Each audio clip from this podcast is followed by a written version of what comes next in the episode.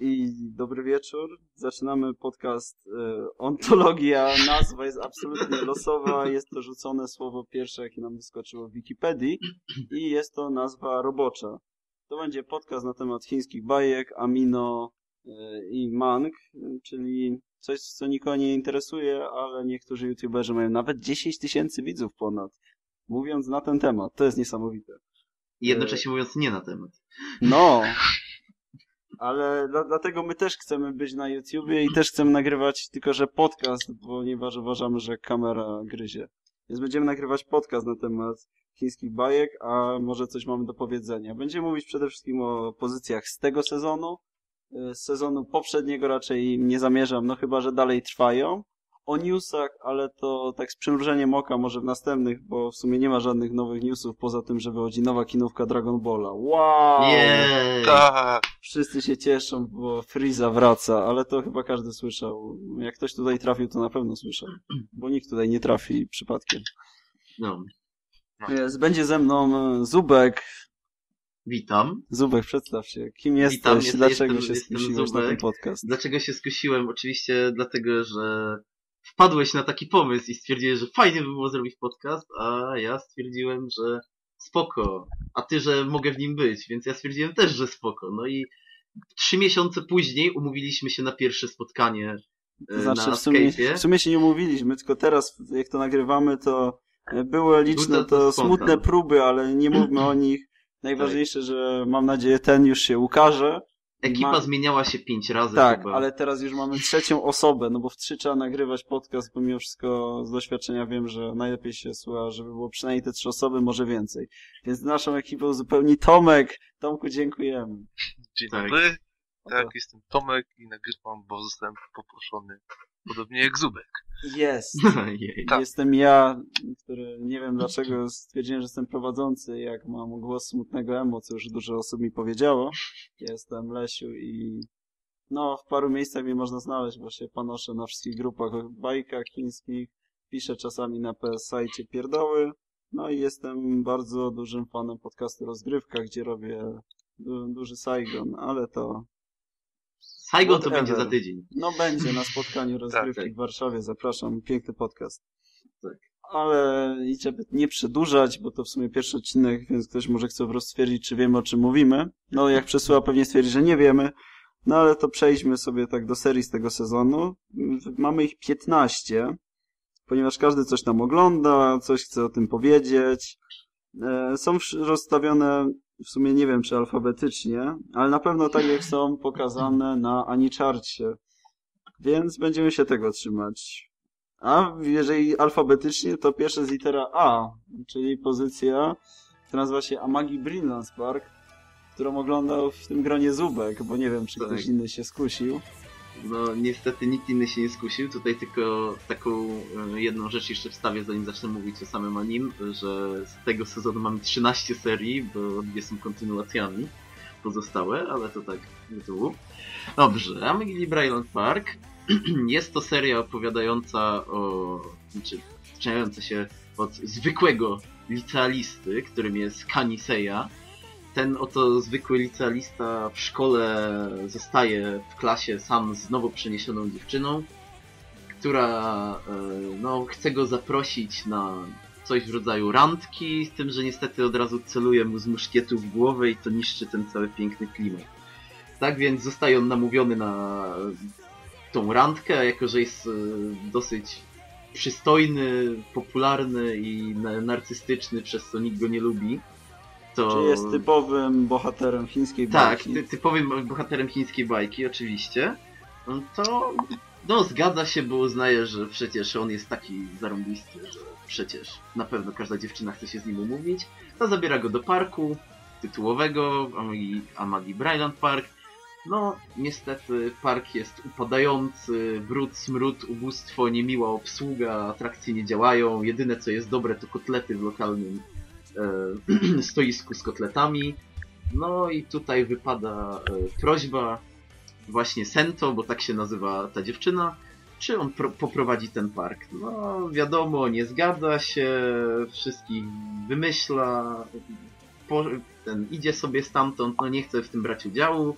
No i tu się nawiązuje cała historia fabularna o tym, że park to jest miejsce, w którym przebywają istoty z innego wymiaru, że tam funkcjonuje magia i że oni żyją dzięki temu, że odwiedzają ich nowi y, ludzie i jak ich nie odwiedzają, to oni tracą moc i oni wtedy umrą wszyscy i to będzie takie smutne. No i on jak się do tym, o tym dowiaduje, to coś go rusza i zdecyduje się pomóc, a muszą w trzy miesiące ogarnąć pół miliona klientów.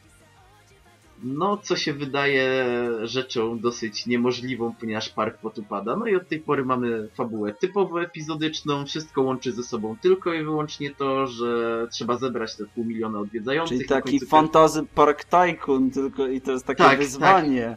To jest takie wyzwanie. E, park i no, jest Tak, bardzo tak, niefajnie, tak, tak. jak w tych starych tajkunach, że musisz Tak, jak w tych starych rozbudować. tajkunach.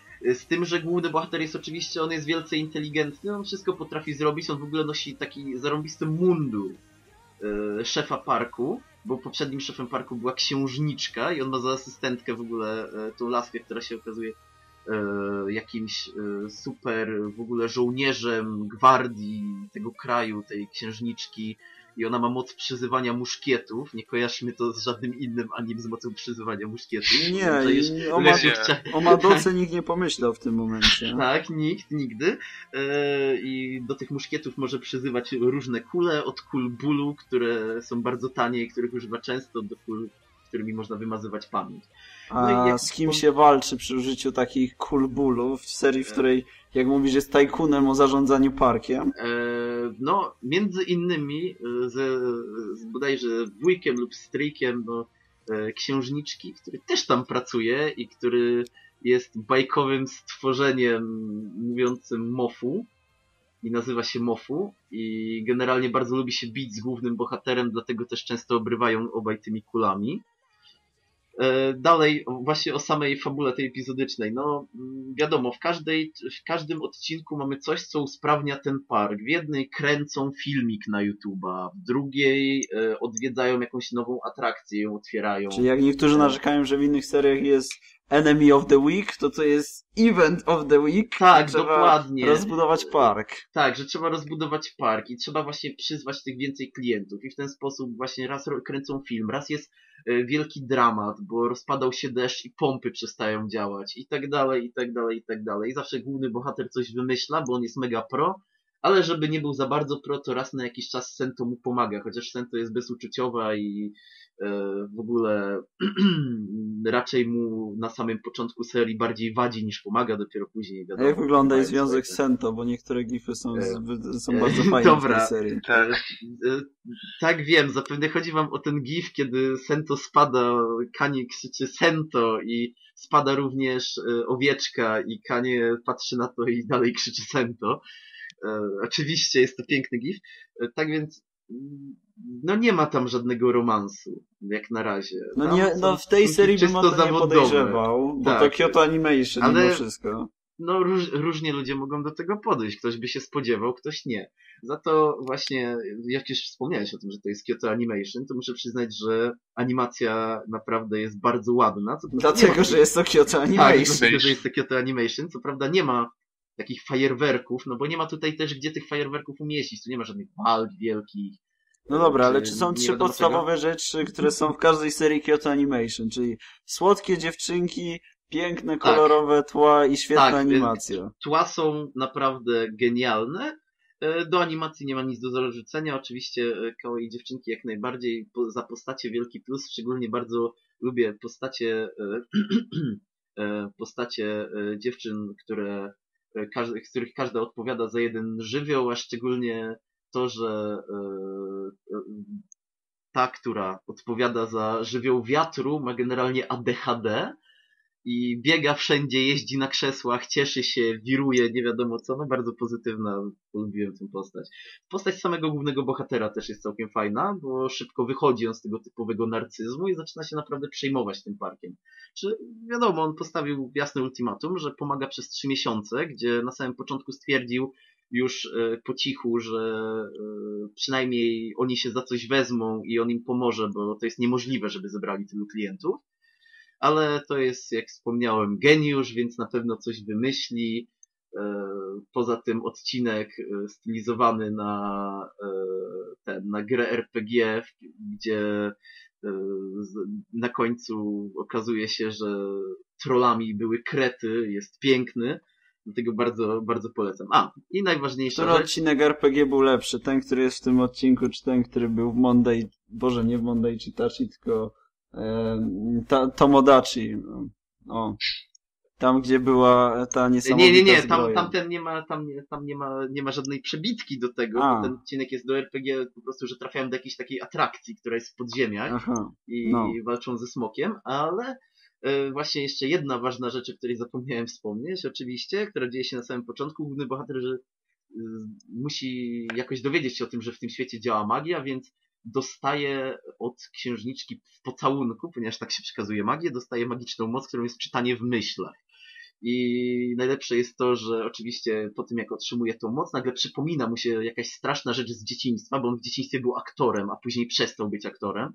Przypomina mu się jakaś straszna rzecz z dzieciństwa i mdleje i w ogóle ma koszmary i tak dalej, więc no słaby pocałunek, no 2 na 10 niestety. A sama seria przyjemna, dosyć lekka, bo nie ma tam się czym za bardzo przejmować. No niby jakieś dramatyczne elementy są, że tam chodzi o ich zniknięcie i w ogóle to jest ciągle park rozrywki. Elementy komediowe jak najbardziej, gify krążą po internecie. E, animacji, no już wspomniałem, jest z bardzo dobra. to jest jak z każdą serią od Katy Animation. Tak. No nie liczę cały czas free, bo free jest na swój sposób za dużym ewenementem w wypadku tego studia. Ale tak. pozostałe serie zawsze spotyka ten los, że potem są bardzo wdzięcznymi tematami do robienia z nich memów wszelakich. E, tak, oczywiście.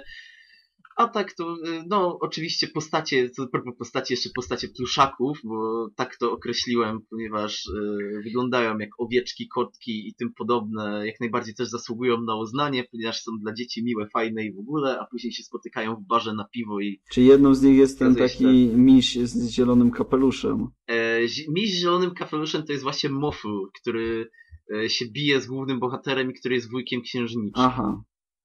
Ten, tak. który jest też widoczny na wiele, dużej ilości gifów.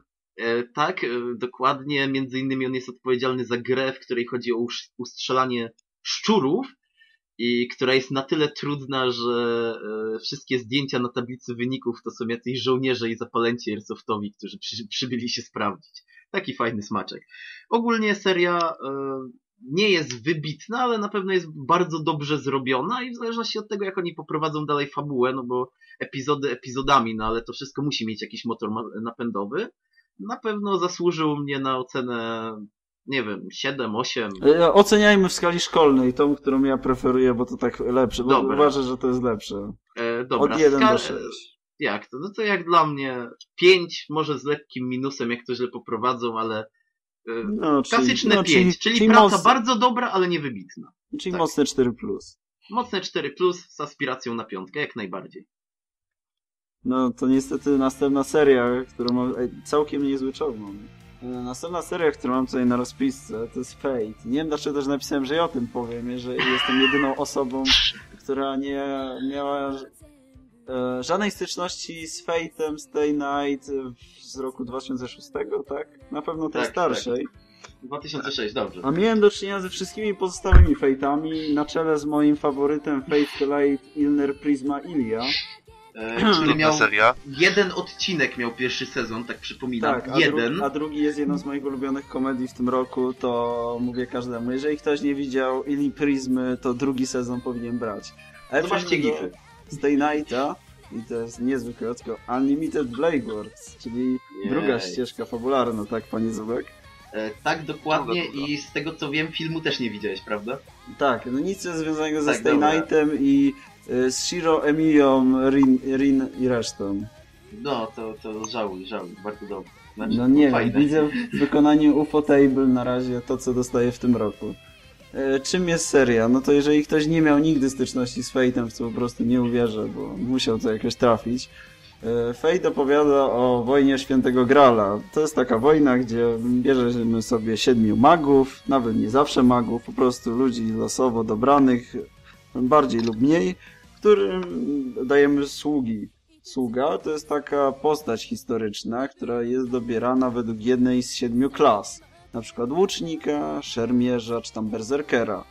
Y, Jako łucznik możemy, nie wiem, dostać Robin Hooda, który się nie pojawił w tej serii, ale jest chyba dobrym przykładem, czy króla Artura jako szermierza. Tak, e, Tak. króla Artura, Króla tak? Króla Artura jako Artura. szermierza. Dobrze, E, dobry tak. żart. Króla Dobrze. Artura, tak. W tym, Tak. w tym miejscu zaczyna się cała zabawa, ponieważ e, święty Graal jest takim artefaktem, który może spełnić jedno dowolne życzenie. Tylko jest te parę haczyków. Jednym jest to, że siedem osób by chciało go zdobyć, więc sześć pozostałych albo musi stracić swojego sługę, albo życie. No, no to jest trochę słaby deal. Na drugi, że nie można oszukiwać, nie można pójść po prostu po tego Grala i go zdobyć, bo jak Gralu że nie jesteśmy godni, to się zaczną słabe rzeczy. Co można zobaczyć w Fate Zero, do którego też gorąco zachęcam.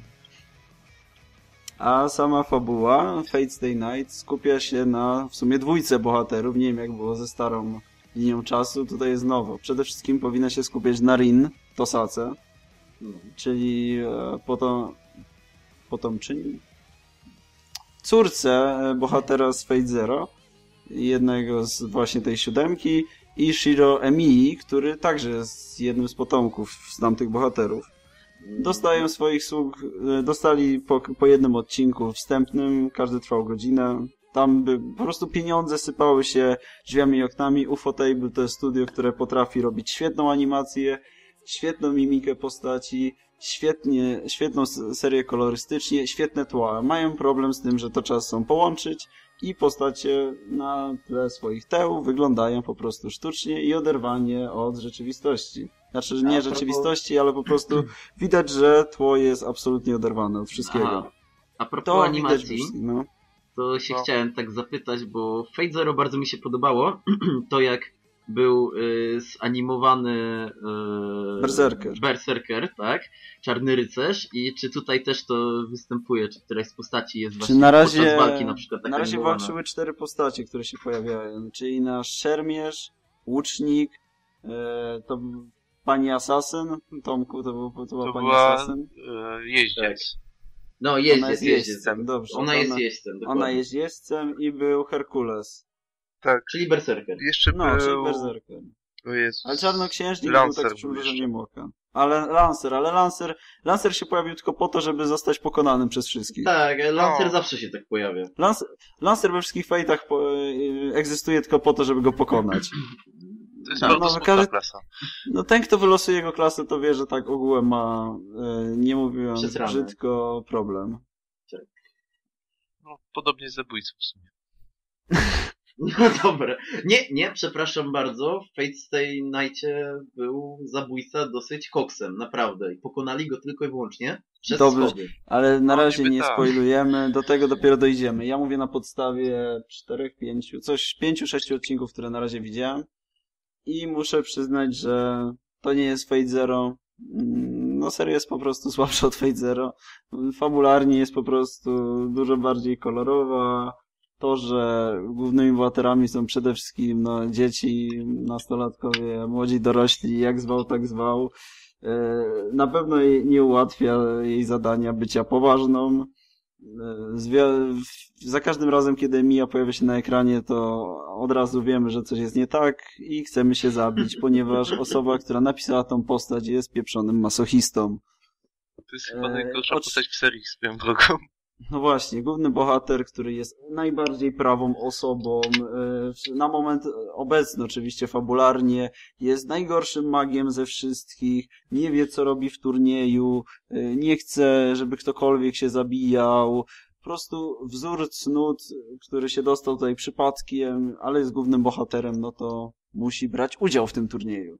Nie o, wiem, nie. to jest naprawdę smutne. Jak mówiłem, wizualnie jest absolutny stunning, jeżeli zobaczycie w 60 klatkach gdzieś walkę Lancera z Archerem z pierwszego odcinka, to szczękę zbieram, polecam zbierać z podłogi jakąś szufelką, bo to jest masakra. No, E, Szczególnie w porównaniu z tym starszym Fate'em, gdzie ta walka nie wyglądała najlepiej. Porównując. No, wiesz, czepiasz się. Może trochę. No, ale to tutaj to jest ma ma masakrycznie jest dobrze. Tak samo jest z muzyką. Muzyka stoi na poziomie Fate Zero, czyli nie ma tutaj nic takiego zaskakującego, czyli jest raz muzyka elektroniczna, raz są chóry, ale jest to bardzo fajnie zrobione. Rin jest spoko. Jak Rin zostanie głównym bohaterem, to ta seria coś zyska. A tak ma być rzekomo w tej ścieżce, tak Zubek? Eee, Czy Rin nie. dostanie więcej... Aha, czyli Rin Rin, dostanie. znaczy nie, Rin, Rin dostanie trochę więcej czasu. Ale w dalszym to, ciągu Emilia nie jest zostanie, głównym tak, bohaterem. zos- jest głównym bohaterem, on będzie zawsze głównym bohaterem, z tym, że Rin dostanie trochę więcej czasu, bo będzie trochę więcej historii samego Archera. No tak, czyli, w momencie, kiedy mamy Rin, ta seria zyskuje, w momencie, kiedy pojawia się Emilia, pikuje bardzo w dół. Ale jakby zrobili trzecią ścieżkę, która podobno będzie filmem, to już może Emilia się Tak, w zrehabilituje. przyszłym roku Chyba w ma przyszłym się roku ma właśnie pojawić, e, jak się nazywa ta trzecia ścieżka? Heaven, coś tam. Hey, Havens... All? nie wiem. wiem. Nie wiem, jak ona się nazywa. Na pewno, na pewno HF. coś na HF. Tak. W każdym razie na pewno ten e, Emilia przechodzi do, do tam, no staje się bardziej dynamiczny. No, może tak. Ale to nie mam co podsumować, bo, no bo fabularnie jest ten turniej, on jest bardzo fajny pod względem takim psychologicznym, jak przemyślimy to, po co tak naprawdę ci wszyscy ludzie walczą, no niektórzy nawet walczą tutaj przypadkiem, co już jest absolutnym ewenementem. Wtedy... Bohater. tak, wtedy, wtedy, to nabiera naprawdę rumieńców, jeżeli weźmiemy pod uwagę, jak fajnie Fade jest fabularny, pod tą w sumie otoczką taką dość prostą, no jest turniej i wszyscy się chcą zabić. Ale tam psychologicznie naprawdę daje plusik. No i jeszcze trzeba wziąć pod uwagę, że jest to na podstawie noweli, gdzie tam turnieje już się chyba cztery odbyły, tak? A w anime dopiero dwa zostały zekranizowane. Tak. Ale nie znamy się na nowelach. No ewentualnie o jednej będziemy dzisiaj mówić, ale ogólnie nie znamy się na nowelach. Więc z- zostajemy przy tym. Bardzo dobry battle, ale nie wiem czy shonen to się liczy. Nie no, action, supernatural, fantasy, magic, superpower. O, to będzie najlepsze. Jeżeli ktoś widział stare Fate, no to to jest must watch. Ja, jak dla mnie pierwszy sezon dostał no, za swoją pierwszą część, bo Fate jest tak podzielony, że jeden sezon wychodzi w jednym sezonie, a no, w sumie połowa serii wychodzi w jednym sezonie i dwa sezony później, czyli jeżeli ta wychodzi na y, jesień, tak więc na lato wychodzi druga część Fate'a. Dlatego w przypadku Fate Zero pierwszą część oceniłem na 8, drugą na 9. Tutaj na razie oceniam na takie bardzo naciągane 8, więc tutaj nie zmieniam na tą skalę szkolną po prostu patrząc przez pryzmat pierwszego sezonu. Tutaj na razie zostaje 8, może potem będzie lepiej, mam nadzieję, że też się rozkręci jak Fate Zero. Zubek, mam, czy się rozkręci? Em, Znaczy, ta, ta linia fabularna na pewno będzie się bardziej rozkręcać niż e, Fate Stay. E, Z tego co pamiętam już e, przy właśnie akcję e, tam z Asasynem i e, z Czarnoksiężnikiem i później już e, sam koniec się e, trochę rozkręca. Chociaż sama walka e, późniejsza z, z Berserkerem, bo chyba jeszcze nie było, prawda, z Herkulesem Nie, nie. walki. No była, Była taka znaczy- mniejsza. No było, była ta No, wstępna. ale, ale nie było głównej walki z Berserkerem, Nie, ona też jest dosyć spoko. Trochę się to rozkręca.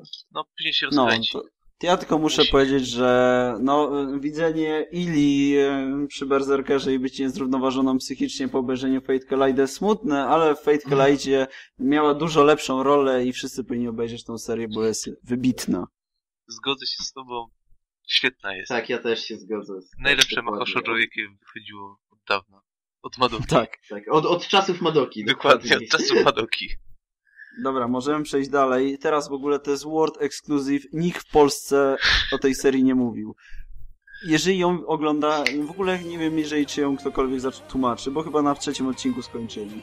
I dobrze zrobili. E, oczywiście czytamy angielski tytuł z My Anime List, czyli Le Fruit de la Grisei, e, synonimy The Fruit of e, Griseia i po japońsku Griseia no Kaijutsu.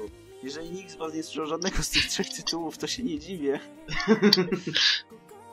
Ale za to mamy dowód, że co najmniej dwie osoby w Polsce wiedzą o tej serii. Tak. Więcej. I nikt oglądał anime. I na przykład jeden z nich jest Tomek, który grał nawet visual novel na podstawie której jest to anime. I nam Tak, na Która wcale nie jest hentajem. Tak. Nie, nie, właściwie to to jest. No właśnie wiem, że jest. Właśnie chciałem cię podratować trochę, ale jak już przyznajesz, to dobrze. Trzeba przyznać, trzeba. To Dobra. opowiedz nam, o, o co w ogóle chodzi w tej serii, bo nikt jej nie oglądał. Skoro nikt nie oglądał, to zacznę od tego, że główny bohater Yuji Kazami to hmm, nie, jest, nie jest typowy człowiek. On zawsze chciał mieć typowe szkolne życie, czy coś takiego, że z tego co sam mówi, więc w końcu jego życiowe marzenie się spełnia i trafia do Maihama Akademii, w której jest jednym z sześciu bodajże, o ile dobrze pamiętam, uczniów, tak, sześciu chyba. Poza nim jest pięć dziewczyn, co jasno pokazuje, że seria jest haremem. No ale niestety, dziewczyny uczące się w Mayhama Akademii, cóż, w szkole, w której jest ci- sześciu uczniów, nie są zbyt typowe. No, co widać po końcówce pierwszego odcinka, nie będę spoilerował. Jeżeli, jeżeli ktokolwiek w ogóle Jeżeli obejrzy ktokolwiek to. będzie chciał obejrzeć tę serię, Ej, osobiście Znaczy, po, patrząc przez końcówkę każdego z odcinków, tak. ale właśnie patrząc przez końcówkę mam pytanie, czy wątek pokojówki jest dalej pociągnięty tak fajnie, Nie wiem, tak fajnie jak było pokazane na końcu? przeszedłem dwie ścieżki e, z visual novel i akurat tej nie skończyłem. A ile ich jest? Prze, no, od każdej postaci, pięć ścieżek. Aha. Przeszedłem o dwie. Cóż, ścieżki zajmują trochę czasu, ale w anime, no, no, dwa odcinki, bez przesady. Ogólnie seria jest dobra do trzeciego odcinka, po czym zaczynają się ścieżki postaci zrobione właśnie w 40 minut, co jest małym nieporozumieniem. A ile ci zajęło zrobienie jednej ścieżki, tak z ciekawości? Parę dni. Znaczy, ale, ale tak przybliżenie pewnie jest 8 godzin, nie? no tak mniej więcej. Ogólnie całe, ponad 50 godzin podobno zajmuje przejście wszystkich ścieżek. A, Eee. przy, a jedną piątą tego zrobili dwa odcinki. Czyli... Cóż za niesamowita kompresja. Ej, to kojarzę taką serię, Muszę przyznać, że wszystkie elementy zostały zawarte i wcale seria nie straciła przez to na fabule. a e, Lesiu, to my kojarzymy taką serię, która też miała taki content. To chyba w Danganronpie, ile miał ten e, gameplay Danganronpy? Nie no, z Danganronpą problem był taki, że była przeniesie, że Danganronpa to było przeniesienie gry jeden do jednego, a to co cię bawi w grze, niekoniecznie musi cię bawić w anime. I to był Tak, największy szczegół- problem całej tej serii. Tak, ale moment, w którym oglądasz drugi odcinek anim i patrzysz na gameplay i widzisz, że to jest, nie wiem, trzecia godzina.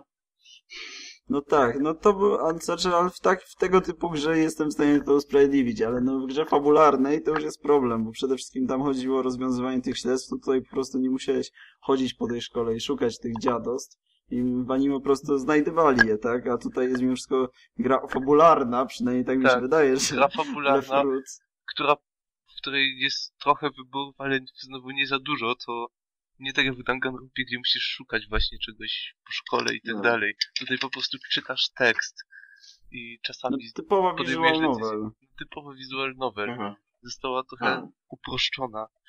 Szczerze mówiąc, polecam tą serię do trzeciego odcinka włącznie, a dalej można sobie odpuścić. Przy... Ale my nie odpuścimy, Tak, będziemy oglądać. ja będę Nie, oglądał, ściągnąłem piąty odcinek i mam zamiar kiedyś go obejrzeć. Kiedyś. Nie, O. ja jeszcze muszę powiedzieć na podstawie własnych przeżyć z trzema odcinkami, nie znając absolutnie materiału źródłowego, że jeżeli ktoś by chciał sobie uzmysłowić, jak ta seria wygląda, bo to jeszcze Tomek nie powiedział o stronie technicznej, która jest, strona techniczna tej serii to jest najśmieszniejsza rzecz, jaką widziałem w tym roku. Cała seria jest zrobiona prawdopodobnie na komputerze, ponieważ tam rysownika ona chyba nie widziała. Chyba nie. E, Trzeba cała seria, cała seria jest w 16 na 9, więc może Czarne się to paski. komuś skojarzyć z Shaftem, jeżeli widział jakieś od nich produkcje. Nie mówiąc już o tak. małych nawiązaniach do szaftu. Tak. To jest po Tak. prostu jakbyś... mm, I, I tak samo intryga jest bardzo taka podobna do Little Busters. Tak jakbyście wzięli Little Busters, które robi Shaft i zrobili z niego Ecchi z cynicznym głównym bohaterem. Mniej więcej coś takiego dostaniecie. Ze wszystkimi problemami i fajnymi rzeczami z tych produkcji. Tak. Ale nie, jeśli chodzi o postacie, to one są bardzo dobre. Mi się podobają, szczególnie No nie, musi- rozmowy, dialogi to są piękna No tak. rzecz. Na, One są jeden do jeden z noweli? nie, niektóre sceny są ucięte. Nie mówię już o scenach ścieżek, które są ucięte w większości. Jeden odcinek to początek ścieżki, drugi odcinek to końcówka ścieżki. Po co ci środek?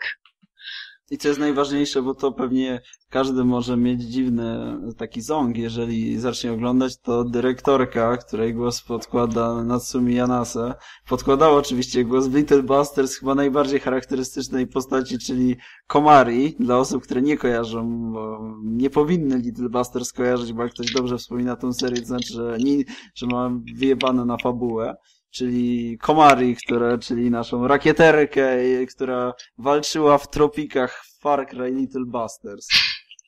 Aha, ale pamiętaj, że jeszcze podkładała głos w godziu Biso- y, ten, Bishojo. No ale o tej serii to ona, ona jest Pure Gold, my jej dajemy 10 na 10, bo większość Tak. aktorek głosowych zaczyna w niej swoją karierę. Tak, i wszystkie najlepsze aktorki go sobie, poza y, Kanu Hanazawą, ale ona to jest Ona jest wszędzie. legendą samą w sobie. Warto dodać, że ona się chyba nie pojawia w tej serii. O Kanie Hanazawie jeszcze powiemy w przypadku na pewno jednej serii, która jest kontynuowana z poprzedniego sezonu, ale to jak dojdziemy do niej. Tak. Dobra, lecimy dalej i Lecimy teraz e, śmiech na sali, czyli Hitsugi na czajkę, Avenging Battle, Zubek. Ile widziałeś odcinków? Trzy. Tak, czyli Studio Bones Strike Again. Na co można wydać pieniądze, mając ich tyle? Ej, ej, ej, przepraszam bardzo. W ogóle właśnie przeczytałem, że to, to anim ma mieć 10 odcinków, Nie dziwię się. ale to jest drugi sezon, tak? Możliwe, że po prostu nie chcieli tego rozciągać i zakończenie będzie w miarę pełne. Nie.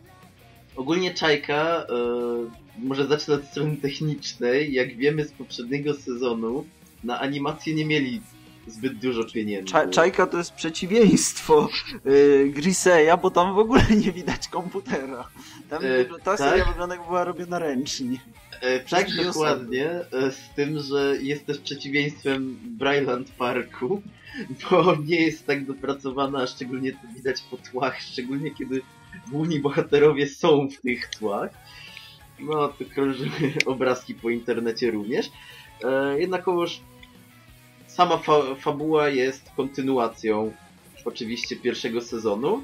E, zaczyna się klasycznie randomowo w jakimś nie bliżej w jakiejś bliżej nieokreślonej części królestwa podczas walki, ale szybko dowiadujemy się, że ta walka to tak naprawdę jakieś zawody, bo oni chcą zdobywać szczątki cesarza dalej, a e, akurat natrafili na e, jedno, jedną z bohaterek, które tego cesarza pokonały i z nią się umówili na zakład, że jak ją pokonają we trójkę, to odda im te szczątki. Ona prowadzi winnicę w ogóle i jest taka dosyć fajna.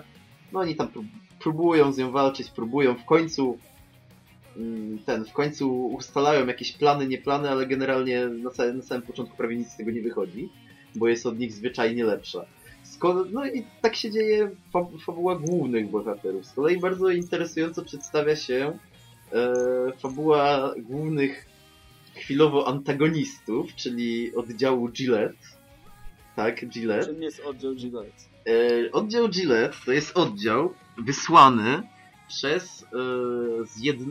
przez to jest taka przez taką organizację, która ma się zajmować właśnie szczególnie tymi czajkami i pozostałościami po cesarzu, bo po tym jak cesarz upadł, to powstały różne kraje, powstała liga tych krajów, czy tam, no, krajów, może, no, takie zebranie tam wszystkich, wi- wiadomo, jakichś możnowładców, taki okrągły stół z jakimś królem na czele, no i od jednego z nich jest ta organizacja i tam jest zespół Gilleta, który ma e, sprawdzać wszystko, co e, od tego pochodzenia cesarza zostało, te szczątki po cesarzu i właśnie e, między innymi czajk, e, czajki, bo czajk jest wiele, każda jest inna, które zbierają te szczątki, a szczątki są z reguły e, bardzo dobrymi nośnikami magicznego paliwa. To jest po prostu niekończąca się bateria. Z nią możesz robić o wiele więcej niż można by robić bez niej, czy można nią napędzać jakieś niestworzone rzeczy i tym podobne.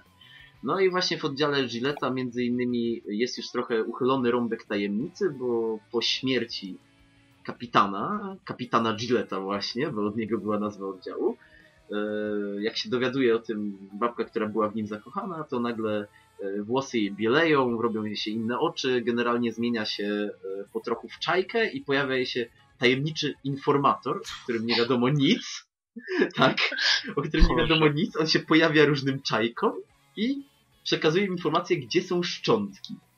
I on się A pojawia skąd trzy razy. Avenging Battle.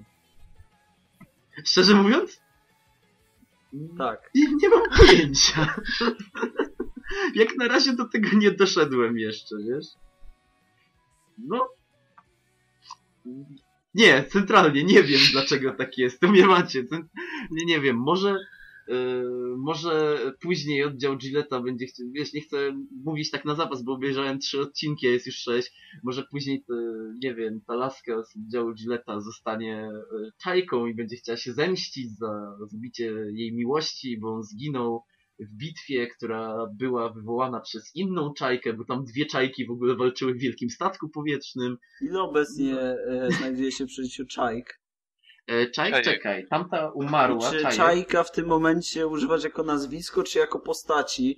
E, Bo pamiętam, że główna bohaterka serii to jest Czajka Trabant. I czy, Tak, są czajka jakieś, Trabant. I czy to jest jakaś inna Czajka, czy są dwie Czajki Trabant? E, nie, są, znaczy, wiesz co, nie pamiętam, czy to z nazwiskami się One są zmieniało. różnokolorowe z tego co kojarzę. Tak, one są, e, znaczy one mają różne kolory oczu i, i różne te, różne, różnie są obcięte i mają różne charaktery i różnie walczą. E, między innymi jest e, ekipa drugiej czajki, bo, którą, znaczy pierwszą e, czajkę, inną czajkę, którą spotykają główni bohaterowie. Jest ona ścięta na krótko, ma zupełnie inny charakter, bo ta jest taką, ta nasza główna bohaterka jest taką fajtłapą, która nosi wielki karabin i strzela z niego magią, więc średnio mówi w lokalnym języku i jest wielce dobroduszna, naiwna i tak dalej. Z kolei tamta czajka była typowym komandosem, ona wiedziała jak twarde jest życie, walczyła mieczem i e, była chytra i tak dalej. No oczywiście miała ze sobą swoją ekipę, która z nią zbierała te szczątki i tam było parę z nimi potyczek, ale w końcu się rozdzielili. Była kolejna czajka, kolejna czajka to e, była przywódczyni bandytów, która później okazała się nie być czajką. tak? I to był taki trik. No i teraz dochodzi do tego e, czajka w postaci e, tej właśnie babki z oddziału Gilletta, która zmieniła się w czajkę. A w międzyczasie była jeszcze e, czajka na wielkim statku powietrznym, która umarła razem z synem jakiegoś księcia, który w ogóle był sadystą i mordował kobiety. No i tak te historie, znaczy ta seria jest fajna. Interesujące. Nie, ta- Tak, nie, ta seria jest fajna. Naprawdę, ona, ją się fajnie ogląda po prostu. To jest jakieś takie 6-7, ale fajnie się, y, się ogląda. Z tym, Powiedz mi, czy seria jest lepsza od Noragami? nie. E, To chciałem wiedzieć, kończymy. ale Jeżeli macie do wyboru... podsumowanie. Jeżeli podsumowanie macie do wyboru nowe serie od y, Bones, to możecie wybierać między y, co tam było? było da, był, jest Dandy, macie Czajkę i macie Noragami. Z tej trójki wszystkie są złe. Znaczy, no, Dandy trzeba trafić z poczuciem humoru, ale ogólnie wszystkie są złe E, i że najlepiej wyłączcie sobie Noragami. Znaczy, mówię, czajka jest fajna, tylko jak to oglądasz, to nie masz zielonego pojęcia, dokąd ta seria zmierza, bo nie, u- poza uchylaniem pewnych rąbków tajemnic, to tak naprawdę dalej nic nie wiesz, dlaczego oni to jeżdżą, dlaczego oni to zbierają, po co to wszystko. Masz po prostu, jeżdżą sobie po świecie, jest trochę tego świata pokazanego i podejmują się różnych zadań, żeby zdobyć e, te szczątki. No, fabuła jest taka po części epizodyczna, ale no wiadomo, to, te szczątki wszystko sklecają w jedną całość i antagoniści. No, tyle. Jednym się spodoba, innym nie, jednym podejdzie kreska, bo jest specyficzna, innym nie. No, to trzeba zobaczyć. Mi się oglądało przyjemnie i na pewno obejrzę ją do końca, może nie teraz, kiedyś. Tyle mam do powiedzenia. To chyba możemy dalej. Tak. Tak. No całkiem długo nam schodzi na tych niektórych naprawdę niesamowitych seriach. Przepraszam. Nie, nie, to nie musisz przepraszać, tylko że skończymy o piątej nad ranem. Dobra, lecimy dalej, czyli kolejna seria, której praktycznie nikt nie ogląda, ale na pewno więcej niż Le Fruits. Czyli Inubaty wa Nichijo Kei no Nakade. Nie mam tutaj nigdzie angielską, mam angielską nazwę, czyli When Supernatural Battles Become Commonplace. Czym jest historia o tym, że nadprzyrodzone moce stają się codziennością? A no, zanim zacznę o tym mówić, to jedne co muszę powiedzieć, to że to jest seria od Triggera. To powinno wam wszystko powiedzieć. Tak, to zachęcam. Tri tak, A Trigger. teraz Trigger wytłumacz, czym jest Studio Trigger właśnie. Czym jest studio Trigger? Trigger to są tacy śmieszni ludzie, którzy przyszli z takiego śmiesznego studia, które nazywa się Gainax, które zrobiło takie śmieszne i bardzo poważne serie, jak na przykład Panty and Stacking, Tengen Toppa Guren Lagan. E, Tengen Topa jeszcze Gainax robi. No tak, Właśnie mówię, że takie Gainaxa. serie, które robią. dobra, myślałem, To, że to ci śmieszni ludzie właśnie. A. Mają za A ci od sobą... Gainaxingu? Tak, nie no, Gainaxing to jeszcze wcześniej było, we wcześniejszych latach. To już była końcówka. No i po, możemy sobie patrzeć na takie Panty and Stacking albo Asgiego Guren Lagana, bo te dwie serie zazwyczaj mówili, jeżeli chodzi o samo Trigger. Później Trigger... Evangelion. No ale to wcześniej, o tym się nie mówi.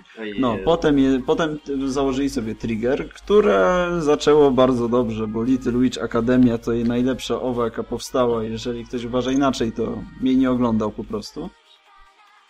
Y, A potem powstało Kill la Kill. Czyli seria, która podzieliła o, wola Boga ile osób.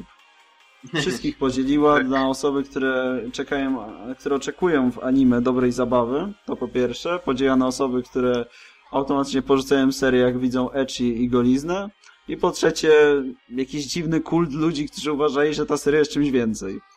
No to były takie... oraz, e, oraz pamiętajmy o naszym drogim przyjacielu, który stwierdził, że stylizowana kreska to gówno i naszym drugim drogim przyjacielu, którego lista je, powinna być czytana odwrotnie i po prostu stwierdził, że to gówno. Dokładnie. Oni Tak. się nie znają. My uważamy wszyscy tutaj, że Kill la Kill to bardzo dobra seria, powinniście ją obejrzeć, a przynajmniej od dziesiątego odcinka. Bo do dziesiątego odcinka, no do ósmego to naprawdę można się a, przestraszyć, ale potem jest coraz lepiej. Ale trzeba też lubić taki klimat, tak?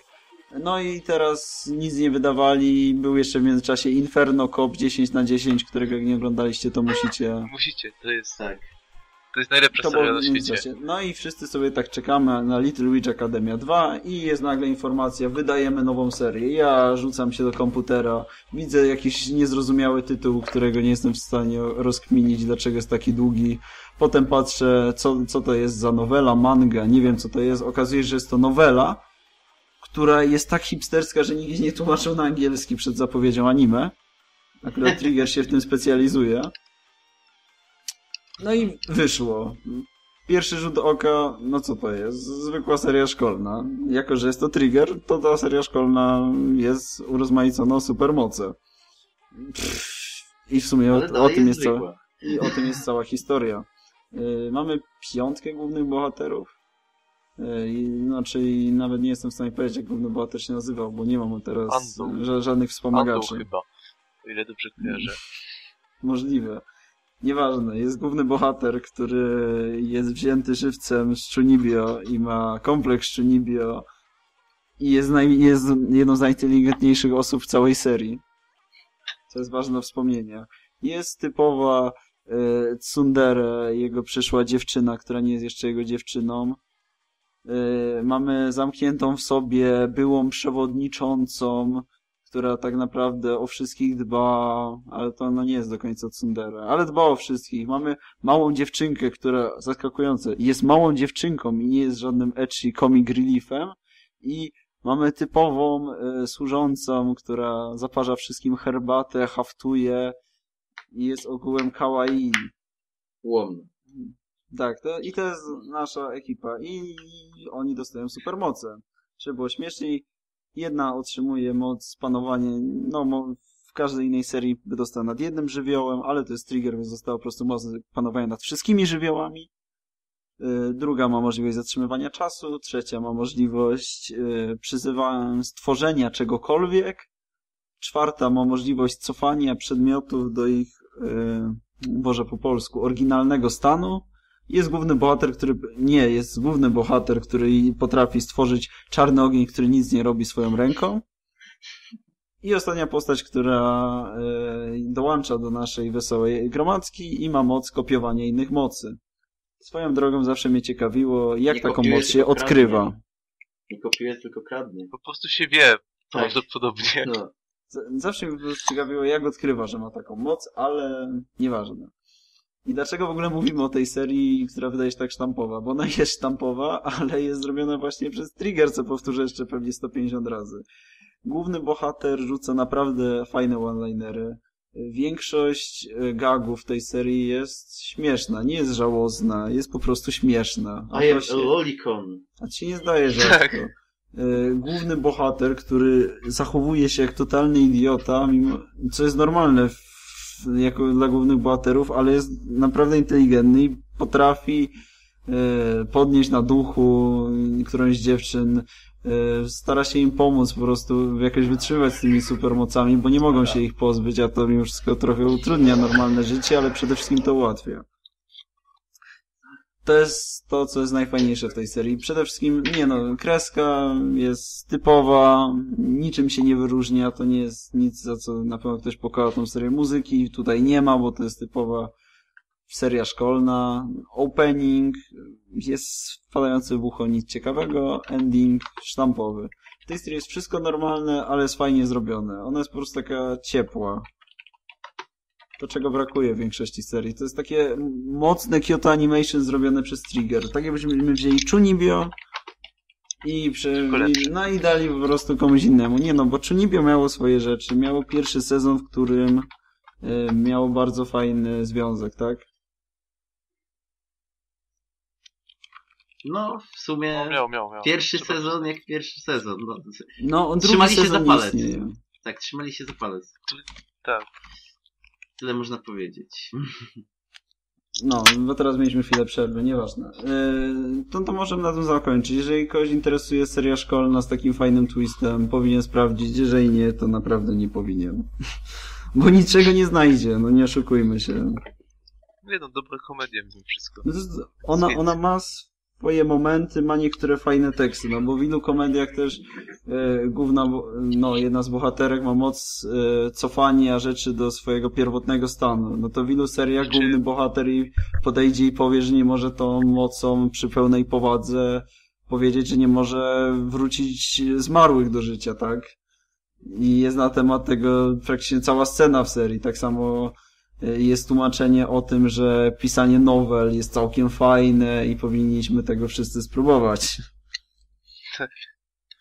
Że bycie lolikonem to nie choroba. Bycie lolikanem to nie choroba i nie powinno się mierzyć powyżej 12 roku życia, bo to nie patrzeć na loli jako obiekt seksualny. To, to są typowe gagi, jeżeli kogoś, no co, ewentualnie jakiś bikini armor, no to jak kogoś to interesuje, to powinien sprawdzić, jeżeli boi się komedii, a przede wszystkim serii szkolnych, to nawet lepiej, żeby nie dotykał. Są fajne rzeczy, no ale nie przesadzajmy. Dobra, jako że na chwilę nam zniknął Zubek, to my przejdziemy dalej do jakiejś serii, której on nie ma.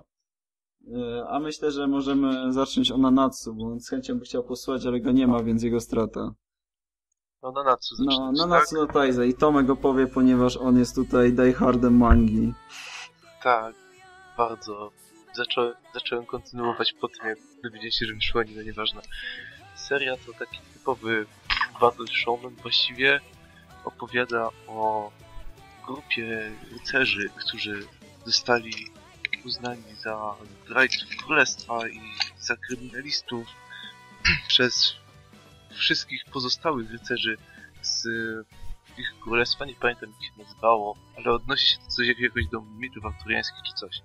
W każdym razie są, byli uznawani za najpotężniejszych i w ogóle łohoho rycerzy, ale z, jako kryminaliści, no, musieli się ukryć, uciec i pochować.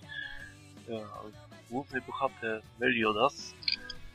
A, dobrze, może jeszcze powiem, że nazywają się Seven Deadly Sins, czyli siedem grzechów głównych. Każdy tam ma jakby swój grzech, odnosi swojej przeszłości i od początku nie byli grupą typowych rycerzy, tylko zbieranką też kryminalistów. A, główny bohater Meliodas, y, kapitan właśnie tych siedmiu grzechów głównych, prowadzi, spotyka księżniczkę, jak się okazuje, Elizabeth, która pomaga, która ma zamiar od, powstrzymać plan zniszczenia królestwa, czy pomóc swojemu ojcu królowi i zbiera wtedy tej pomocy właśnie siedem grzechów głównych. Meliodas pomaga. Czekajcie chwilę. Problem techniczny. A jest, no. No dobra, jest. Dobra, wracamy. Okej. Zebrał ich, zbiera swoje, swoje Po- siedem grzechów. Wyruszają właśnie w podróż, żeby zebrać z powrotem siedmiu rycerzy, siedmiu rycerzy, tak.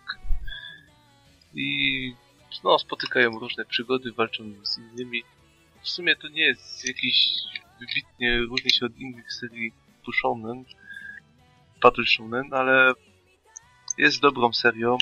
Warto dodać, że poziom hmm, siły bohaterów jest dość niezły. Jest na poziomie do dość przyjemnie przesadzonym. Tak, dokładnie. Można porównać do Dragon Balla czasami. W momencie, kiedy główny bohater rzuca przez pół królestwa włócznią i rozwala zamek, albo siłując się na ręk- rękę rozwalają więzienie. Tego typu rzeczy to codzienność. No, ogólnie seria właśnie opowiada o podróżowaniu i zbieraniu siedmiu, siedmiu grzechów głównych. Jest to całkiem przyjemna seria, a i warto dodać, że jest pojawia się tam postać maskotka, jak na przykład w e, Rebornie. Jest że ta postać to świnia, która jest jedną z e, najbardziej przydatnych fabularnie i w walce i ogólnie maskotek, jaka pojawiła się chyba w mandze i anime, przynajmniej z jaką się A spotkałem. teraz bardziej niż spoiler. Czy ma jakieś moce, uwaga, uwaga, bo to nie spoiler, czy ma jakieś moce poza zjadaniem rzeczy z ziemi? No, nie do końca moce, ale jest przydatna w walce, to trzeba przyznać. A ja mam takie te, Nie chcę, nie chcę za bardzo Dobra. spoilerować, ale ja mam takie pytanko, czy będzie w tej mandze jakaś, później anim, czy będzie y, ogólnie jakaś y, postać, która byłaby co najmniej tak samo fajna jak Ban? co najmniej tak samo fajne jak Ban. Oj, to będzie ciężko, będzie ciężko. No Chociaż, właśnie, jeszcze, no to dokończę, ja zadam kolejne pytanie. chociaż pojawiają się później faj, też fajne postacie, ale chyba Ban dalej jest faworytem. Przynajmniej według mnie. To jest po prostu świetna postać. E, a ja teraz kolejne moje pytanie, czy, wszy- czy już spotkali wszystkie grzechy w mandze? Nie, jeszcze O, nie, właśnie. jeszcze brakuje jednej osoby. Serio? A którego grzechu? jeszcze... Oj, nie pamiętam, szczerze mówiąc. Ale czy te nowe postacie, czy to jest tak zrobione, że te najfajniejsze postacie dostajemy na początku, a potem są jakieś zapychacze, czy po królu będą Nie, nie. jakieś W naprawdę miarę fajne? trzy postacie kolejne trzymają poziom. Ciężko mi powiedzieć o Marylinie. Yy, Sin Glutonity. Czy, czy jakoś tak. Która pojawiła się ostatnio. Postać, która pojawiła się ostatnio. No. Była może, nie wiem, w 4-5 chapterach mangi tak naprawdę, więc ciężko niej mówić. Ale reszta postaci trzyma poziom. Jest ciekawa na swój sposób, każda ma inną moc. No bo to jest najważniejsze w tej serii, tak samo właśnie w Fairy Tailu, Naruto i tak dalej, to najważniejsze są postacie w tych seriach, a nie walki i tak dalej, tak. bo one są powtarzalne i przy tym, że seria jest od 13 lat, w tym nie mogą za mocno wyjść poza schematy. Jeżeli postacie Ale- są dobre, to seria się samo obroni, tak?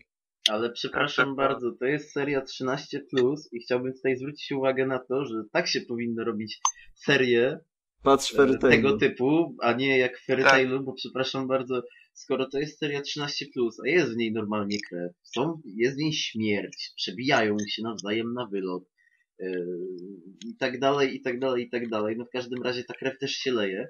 To przepraszam bardzo, co przeszkadza, żeby w Fairy Tailu mieli chociaż zacięcie po walce z, mie- z mieczem? Bo oni nigdy nie mają, No. oni zawsze są obici.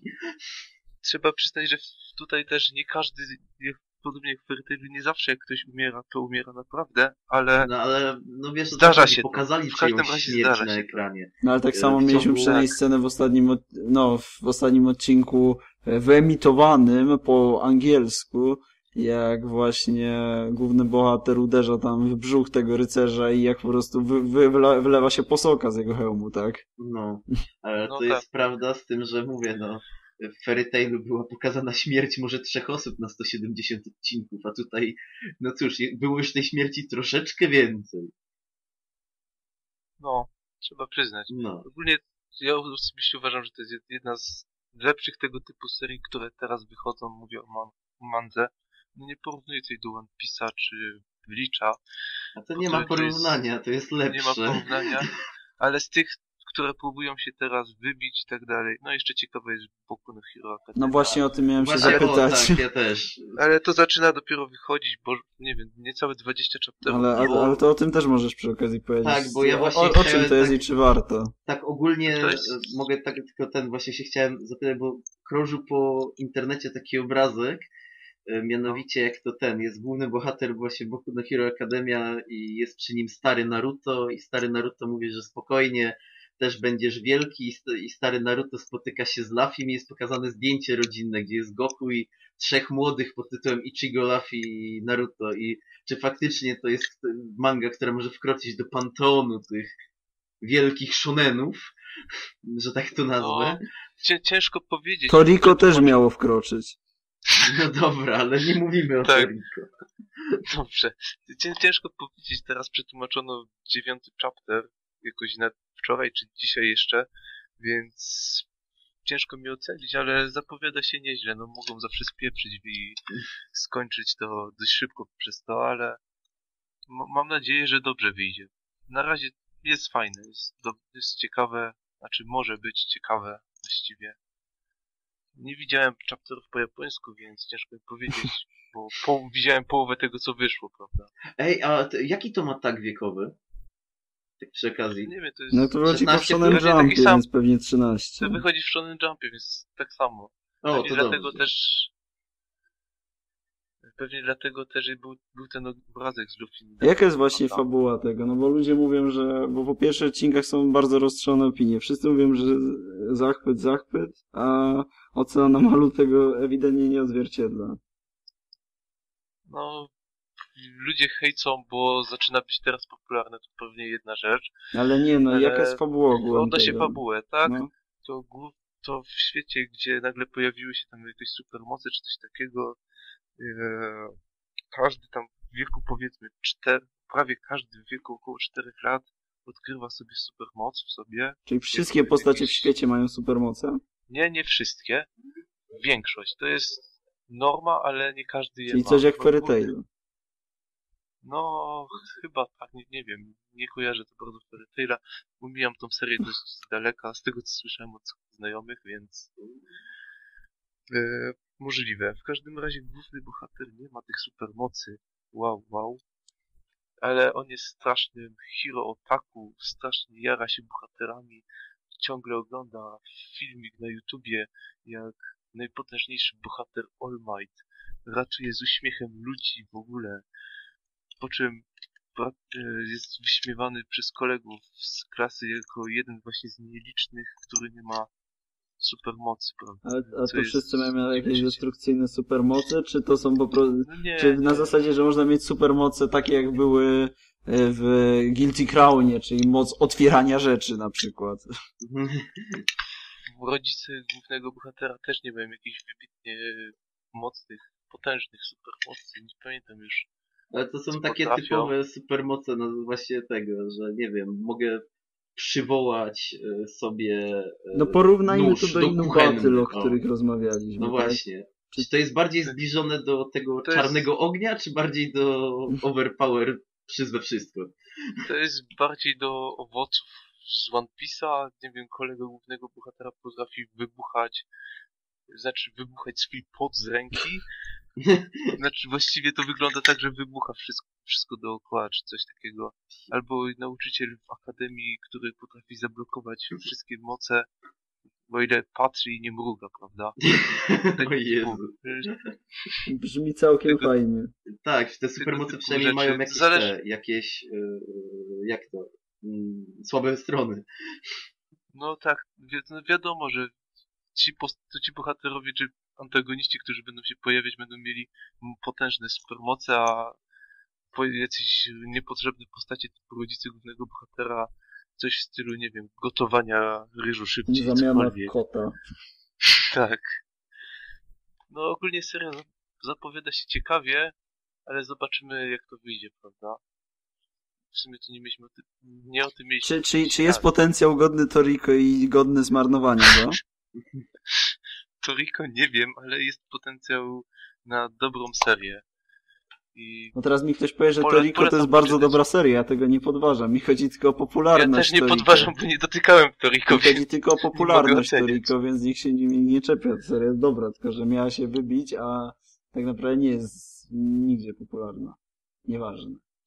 ogólnie dodam, że jak właśnie w fabule główny bohater nie ma mocy, ale spotyka najpotężniejszego bohatera, który akurat przez, przychodzi tam przez jego miasto i walczy z jakimś złoczyńcą, bierze od niego autograf, po czym przez niego bohater, temu najpotężniejszemu bohaterowi nie udaje się, ucieka złoczyńca, bla bla bla, główny bohater próbuje, rzuca się na pomoc biednej ofiarze, bo złoczyńca wziął jako zakładnika kogoś tam, nie, nie będę mówił kogo, i tak w skrócie ten najpotężniejszy bohater okazuje się, że jego moc może przekazać innym, więc przekazuje ją głównemu bohaterowi i musi się on nauczyć jakby panować. To jest ta, ta umiejętność to jest super siła, tyle że jest tyle super siłą, że główny bohater by tego nie wytrzymał, prawda? Aha. Jest powiedziane, że jakby wiesz, użył na początku, to by go rozerwało na strzępy czy coś. Aha, to zawsze lepsze wytłumaczenie niż yy, właśnie... Jest jak się 1% gadaliśmy- szansy, że przeżyje. E, Ale nie, Znaczy, nie, nie, nie, bo wtedy właśnie- by musiał przeżywać za każdym razem, właśnie. kiedy głośno krzyczy.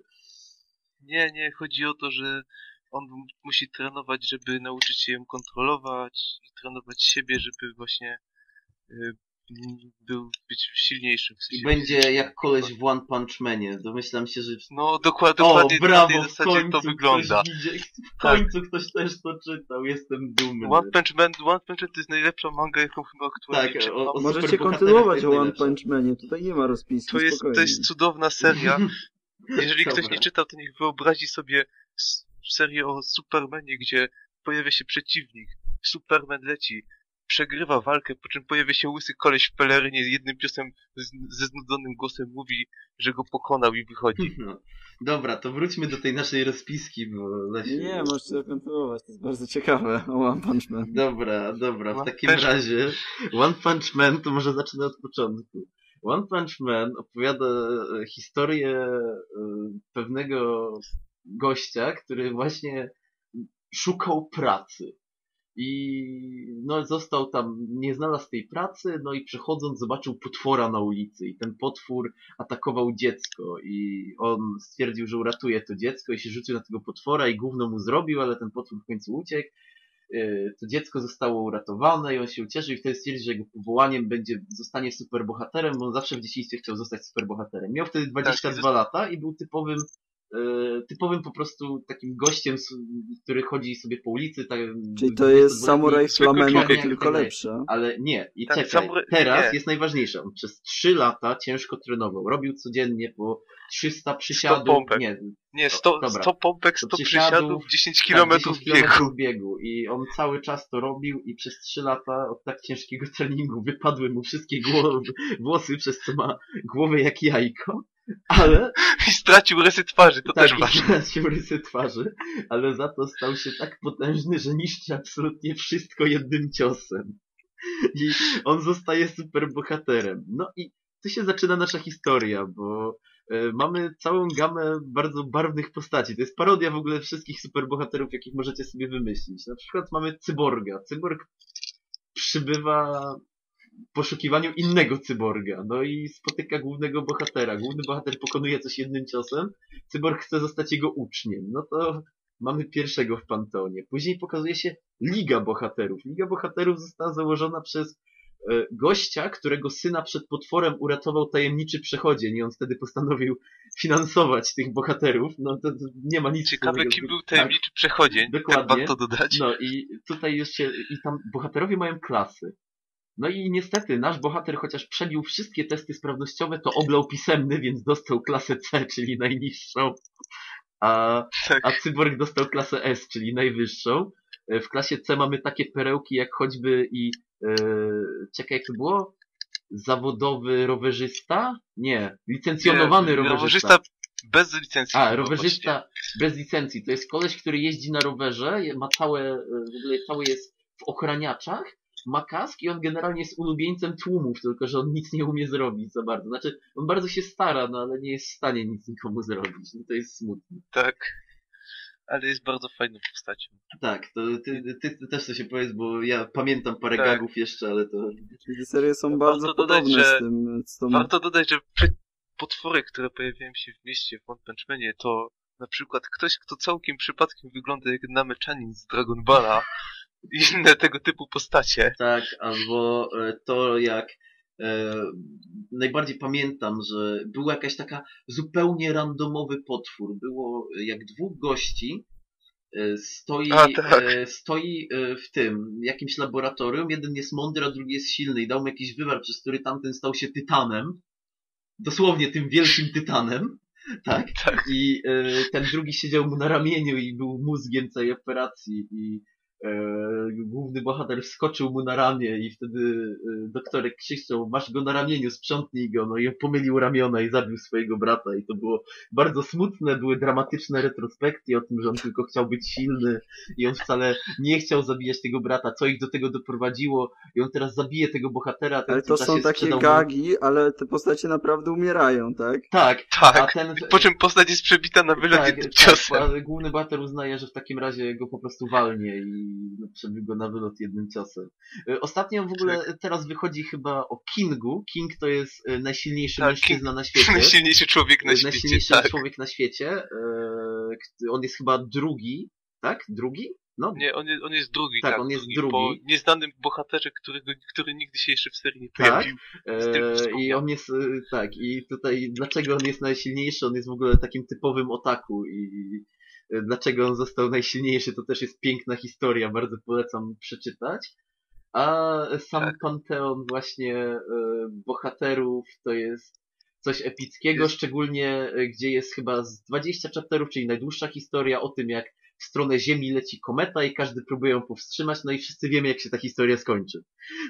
Tak. Chociaż była też bardzo dramatyczna i umarło dużo ludzi. W ogóle tam umierają cały czas, szczególnie te antagoniści. To Że wszyscy tam umierają, Flaki wylatują i tak dalej, no generalnie. Ale co do, co do właśnie fabuły, warto dodać, że manga wychodzi tak naprawdę na podstawie webkomiksu, komiksu w sieci, którą autor publikuje. Komiks wygląda specyficznie, jest jak rysowany w pęcie. Naprawdę wygląda to cudownie. Tak. manga jest przerysowywana i wygląda, nie wiem, w życiu chyba lepszej mangi nie widziałem. No naprawdę, powiem ci, że jest- Cyborg to na jest przykład poezja. to jest narysowany genialnie. Tam jest na, dużo dbałości o warto do- szczegóły. Warto poszukać też gifów z mangi, które naprawdę wyglądają jak zanimowane, bo są trzy strony, w której leci pocisk jakiś albo laser. E, albo Czy spada kometa, kometa. tak, dokładnie. Dokładnie. E, tak, i oczywiście, ale nie martwcie się, nasz e, główny bohater będzie miał jednego przeciwnika, który będzie głównym antagonistą, który faktycznie będzie mógł z nim walczyć prawie na równi. Prawie jest ważne, ale no. Warto dodać, że ciosy na poważnie głównego bohatera to coś, co, to na przykład poważny cios, Poważny cios poważne przewrócenie stołu i tego typu niezwykłe rzeczy. Tak, e, nie no, poważne, poważne e, te to są jak naj... Znaczy, może tak.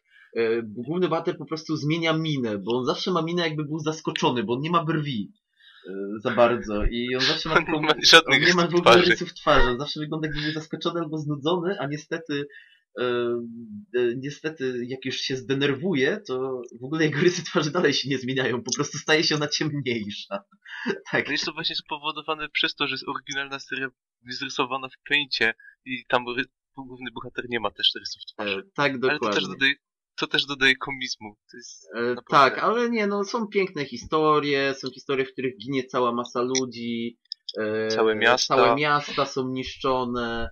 E, Wychodzi się- e, król, na przykład wychodzi król tego, e, król wody, który po drodze niszczy po prostu całą zgraję bohaterów, ale na szczęście e, nawet niszczy bohaterów klasy S, a na szczęście główny bohater z pomocą rowerzysty bez licencji go pokonują. Tak, Tak. e, e, a, o, a propos, Jednym ciosem. tak, a propos samych bohaterów, to no, porozmawiamy jeszcze o bohaterach klasy S. Oni są bardzo ciekawi.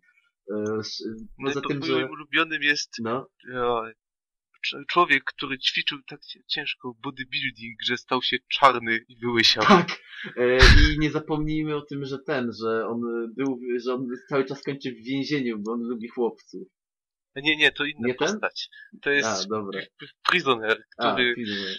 Tak, Prisoner jest genialny. Który Prisoner jest w mutantem. więzieniu, bo lubi chłopców. Tak, a Prisoner jest genialny, bo Prisoner jak użyje swojej mocy, to się staje tytanem.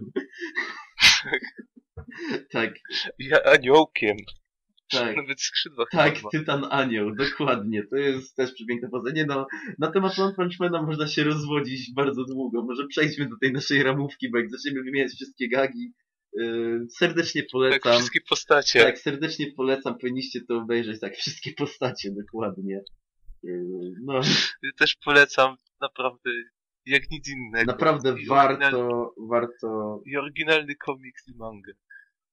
Naprawdę, polecam. No nie wiem, Znaczy, nie spodziewałbym się, że ona nas Sunotaiza i będzie ponad 20 minut. A i No nie to, To, to tak, z czego już- pięć chyba o tak, serii. to, to tak na temat Nanatsu ja na Taizai miałem to coś tyle mogę do powiedzieć, Ale powiedzenia. chyba się wycofam, bo tam No, no, jeszcze powiedzieć no o muzyce w Nanatsu no Taizai, no bo jednak osoba, która za nią odpowiada, to jest geniusz, bo Sa Sabano Hiroyuki, czyli koleś, który, no, można powiedzieć, że ma całkiem niezłe rzeczy na swoim koncie, bo zrobił soundtrack do Aldo Noah Zero, który pewnie każdy kojarzy nawet jak nie oglądał, do Kill la Kill i do Sengoku Basary, więc to jest naprawdę ktoś, kto wie co, o co chodzi w muzyce w anime. No to jeżeli on to robi w Natsu no Taizai, to tam jest geniusz. Tak, a to my w takim razie później powiemy, kto robił y, muzykę w innej serii, jakie są z tego powodu hejty i jak się z nich śmiejemy. No, ale to będzie później. Dobra, Co bo teraz? lecimy dalej. E, o, bo poszedłeś, więc ominęliśmy Kiseiju. A, e, dobra, tak, bo mnie nie było 4 minuty, racja. E, dobra, Kiseiju. E, Kiseiju, inaczej Parasite. Zależnie od tytułu, z reguły mangę możecie znaleźć pod tytułem Parasite, szczególnie na tych w polskich stronach, jak ktoś czyta po polsku. E, w każdym bądź razie, jest to historia opowiadająca o kolejnym zwykłym licealiście i takim naprawdę zwykłym licealiście, bo no jest to minimalnie realistyczna historia, naprawdę on jest takim typowym, no powiedzmy, może nie nerdem, ale takim okularnikiem, który sobie chodzi do tego liceum, uczy się nawet, e, nie ma problemów, nie ma dziewczyny, w kimś tam się kocha i tak dalej, i tak dalej. No historia z życia. No i w tym momencie na ziemię spadają tajemnicze kokony, pyłki, jakby to nazwać. W każdym razie są w nich larwy obcego pasożyta. No i ten obcy pasożyt zwykle wbija się w, w losowe miejsce w ciele i przychodzi do mózgu, żeby przyjąć głowę. Tą głowę zjada i przejmuje ciało nosiciela, tym ciałem się żywi. Oni chodzą, mają zapisane w głowie tylko jedną rzecz. Trzeba zniszczyć rodzaj ludzki, trzeba chodzić, zabijać, zjadać i tak dalej. No, ale za to główny bohater, jak zobaczył tego pasożyta, pomyślał, że to wąż, który wbił mu się nagle w rękę, to zawiązał sobie rękę, no, przez co nie miał jak ten pasożyt przejść. E, I e, no wiadomo, później myślał, że to mu się przyśniło, nie miał czucia w tej ręce i tak dalej, po czym się okazało, że pasożyt zjadł jego rękę i tą ręką teraz jest. No i tu zaczyna się nasza piękna historia o integracji obcego z naszym głównym bohaterem. Obcy się uczy, obcy jest potężny. E, Między innymi walczą też z innymi obcymi, którzy są najróżniejsi od takich, którzy przejęli psa, po całkiem rozumnych i inteligentnych, którzy próbują coś nachachmęcić. No, o samej serii teraz tak w skrócie. Jest e, naprawdę fajnie zrobiona pod tym względem, że jest na podstawie starej mangi. Ostatnio, ostatnio tym różnym studiom wychodzi, a szczególnie, że jest to Madhouse, któremu wychodzi ostatnio coraz bardziej, co jest dziwne. Wiele osób teraz pewnie pomyśli, że Madhouse, jak można powiedzieć, że Madhouse'owi coś nie wychodzi, oni zrobili Huntera i tak dalej. Ale My Madhouse ma na mamy, mamy takie podejście, serii. jakie mamy i uważam, że Madhouse to jest studio, którym wychodzi co druga seria i oni naprawdę, uwierzcie nam, nie wydają samych perełek i E, Madhouse tak, mówi- i w tym Madhouse roku... potrafi zrobić dobre serie i potrafi zrobić złe serie. O. E, tak, e, ja, O, pokuszę, ja już miałem taką śmiałą teorię, że po prostu Madhouse nie chce się za dużo napracować, oni robią jedną dobrą serię, która wychodzi na przykład w sezonie wiosennym, później robią co dwa sezony jakąś serię, która jest poniżej średniej i na przykład w kolejnym sezonie wiosennym, albo już lato, kiedy ludzie zaczynają wątpić w to, że Madhouse zrobi coś dobrego i pieniążki przestają płynąć, Madhouse nagle wychodzi z kolejną perełką, która uderza. I ten rok jest niestety obala trochę moją teorię, bo jest absolutnym ewenementem. Wyszło dużo serii od Madhouse, które były dobre. E, Albo co najmniej powyżej średniej, no ale myślę, że wyczerpią w końcu temat i kolejnych parę lat pokaże, że to studio jest jakie jest. No ale bądźmy dobrej myśli, może się po prostu zrehabilitowali, pieniążki przestały płynąć tak dobrze i muszą robić dobre serie. Dobra, e, wracając do Parasite'a, mówię, jest fajnie e, to zrobione, ponieważ, mówię, jest to manga z lat 80., 90., jakoś tak, prawda? 80. 80. Y, Mamy już dowód, że y, ostatnio mangi z lat 80. y, dobrze wychodzą. Patrz Jojo. Tak? I ym, bardzo mi się podoba między innymi zabieg twórców na to, żeby y, to, co było w tamtych czasach, że tak powiem, mm, ukazywane na przykład w gospodarstwie domowym, podmienić na to, co jest w naszych czasach, czyli na przykład główny bohater ma normalny telefon, ma komputer i tak dalej. Nie zmienia to nic fabuły, ale e, to też jest na plus i jest dobrym smaczkiem, że nie musimy patrzeć na jakieś starocie, przez co czujemy się, że ta seria jest bardziej zintegrowana, że tak powiem, do nas. E, Dalej, muzyka. No, tak. e, Teraz No. mamy tutaj bardzo różne e, zdania, między innymi... Znaczy, to- zanim przejdziemy do czegokolwiek, e, w ostatnim odcinku było dobrze. Dobra. Tak, do, w ostatnich dwóch No, w ostatnich dwóch Tak. odcinkach było dobrze. Tak, muzyka jest, mnie się podoba, pasu, wpasowuje się w klimat. Tutaj Lesiu miał duże wąty o to, że w openingu później growlują. No cóż, zdarza się, no mi to aż tak nie przeszkadza i naprawdę czuję ten klimat w anime. W ogóle to jest bardzo mocna strona, to nie jest typowa sztampowa seria, ona faktycznie stara się być miarę realistyczna. E, Widać to między innymi, czy- to po wątku romansu, czy e, po psychologii głównego bohatera, który nie staje się tak jak w niektórych seriach, które są pseudorealistyczne, a główny bohater po zobaczeniu pierwszej śmierci staje się nagle bedasem i nie wiadomo co. E, Wręcz przeciwnie, on tutaj ma wiele rozterek, chce godzić wszystkich, nie chce zabijać, ale jednocześnie nie jest też takim mm, typowym, Shiro. prawym, tak, nie jest Shiro, typowym prawym bohaterem, który nie wiadomo co chce osiągnąć, w ogóle żeby wszyscy byli szczęśliwi e, i tak dalej, z tym pasożytem, który go nazwał Migi od prawej ręki, e, czy tam lewej, no od ręki w każdym razie, e, też nie dogaduje się na początku za dobrze, wiadomo, chce iść na policję, do szpitala, nie obywa się bez gruźb, jednak seria ma, co najważniejsze, ma sens, ta fabuła się jakoś układa, wiadomo, nie ma nic za bardzo o tym, skąd się wzięli ci obcy, bo oni sami nie wiedzą.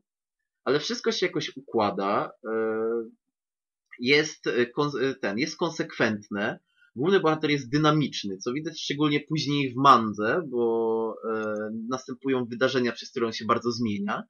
Wszystko jest ładnie wyjaśnione, no i perełka tego wszystkiego, czyli romans, który jest poprowadzony bardzo ładnie i w końcu jest taki normalny. Nie ma żadnego haremu, nie ma żadnego, nie wiem, jakieś tsundere, yandere, nie wiadomo co. Jest normalna dziewczyna z tym normalnym chłopakiem i oni faktycznie coś tam ze sobą próbują. Trochę tu na randkę, tu coś, tu się spotkać, no tam już wybiegam dalej, ale mówię, to jest zdecydowany plus serii. Mi się ją ogląda bardzo przyjemnie. E, Bohaterowie są zdecydowani na plus, ponieważ są właśnie realistyczni, są normalni. E, Sam rozwój e, tych pasożytów też jest pokazany w ciekawy sposób. Zastanawiam się, co z tego wyniknie. I no, wystarczającym powodem na przykład dla mnie jest to, że po każdym odcinku sięgam od razu do mangi, żeby dowiedzieć się, co było dalej, gdzie normalnie tego nie robię, bo nie chcę sobie psuć kolejnych odcinków, ale tutaj bardzo mnie to naprawdę interesuje. Potrafią to zakończyć tak, że czekasz na to przedłużenie historii. To jest ten klimat. Czy macie no i coś przede, do dodania? No i przede wszystkim widać to, że ta manga jest tak stara, bo brakuje jej naleciałości, jakie mają obecne serie. E, Żarty tak, z majtek, cycków i tak dalej. Wszystko jest Znaczy, ta zrobione... seria jest poważna i chyba bardziej dla Znaczy, ta dorosłych. seria jest robiona. poważna, ale jest mimo wszystko dalej japońska, więc musi mieć swoje naleciałości mm, infantylne.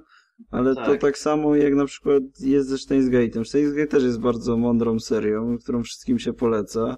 Ja wielu osobom ją poleciłem, które się nawet anime nie interesują, ale ze Steins jest ten problem, że to on już ma tą właśnie nową infantylność, którą Mhm. są mimo te żarty z cycków, e, wchodzenia pod prysznice i tak dalej. Tutaj akurat tego nie ma, co też trzeba zaliczyć na plus, bo są żarty z penisów i tak dalej, ale są na innym poziomie niż teraz się robi. No ale ten poziom mi się akurat nie podobał. No ale dobra, to... to Już to nie chodzi o to, żeby się pod podobać, po prostu no. inny. Tak. To jest... Seria też jest w miarę właśnie realistyczna, a sama manga chyba była nawet nagradzana jakimiś tymi nagrodami. Tak, i... I autor też jest ceniony, więc... Tak, i można jeszcze dodać do tego... Czy autor e, tej mangi zrobił coś innego? E, tak, manga historii się chyba jakoś tak nazywa. E, jakaś tam pseudohistoryczna w czasach Aleksandra i Filipa Wielkiego. O, to... e, Można zobaczyć, O ile dobrze, o ile dobrze kojarzę autorów. e, co zaraz, tak zaraz się sprawdzi, a co ja jeszcze chciałem dodać to to, że e, właśnie morał z tego anim taki sam płynie jak zresztą z, z JoJo, że e, teraz e, robi się takie serie dosyć sztampowe, bo wszystkie mają pewne sztampowe elementy, nieważne jaki to jest gatunek, a tu w latach 80. potrafili zrobić coś oryginalnego. No bo wiadomo, y, i można by pomyśleć, że przez te następne lata to się gdzieś powieli. Ale to się nie powiela. Podobnie jak JoJo jest unikalnym shonenem, tak to jest e, unikalnym, nawet nie wiem jak to no, do horroru mi to nie pasuje, takim thrillerem, seinenem, to jest, takim... no, no w jest gatunkach ma horror i tak było zapowiadane. Zostajmy, że przy horror. Dobra, zostańmy przy horrorze i to jest też dla mnie zadziwiające, że twórcy przez e, już prawie 30 lat nie byli w stanie wpaść na te elementy, które już w latach 80. były kultywowane w jakiś No ale to sposób, jednak. JoJo, no to znaczy wiesz, to też są nawiązania mimo wszystko do tych elementów, a nie zrobione w seriach, tak samo jak No, z JoJo. No tak, tak, tak, ale chodzi mi bardziej o to, że e, widać, że, po, że e, bo tam na tych latach 70., 80. to się kształtowało, że pewne serie wyznaczyły pewien kanon, a inne nie. I właśnie te, które nie wyznaczały tego kanonu, te wsady, których nie poszli, są teraz wyciągane, bo one są zupełnie, są oryginalne, są inne. Bo Tak. teraz już nie Teraz mamy oryginalnych dobrze się serii sprzedają. dużo. Tak, teraz dobrze się sprzedają, dokładnie, bo teraz mamy mało oryginalnych serii. No i tym pesymistycznym niestety, a może optymistycznym, bo wyciągają ich coraz więcej, akcentem mogę zakończyć o Kiseiju. To lecimy dalej, bo ma- mamy całkiem niezły czas. tak. Nie powiem, że nie, ja tak mówiłem koło godziny, a my w połowie jesteśmy. Dobra, no to dalej. E, Logo Horizon, ja teraz coś powiem, bo już pogadaliście.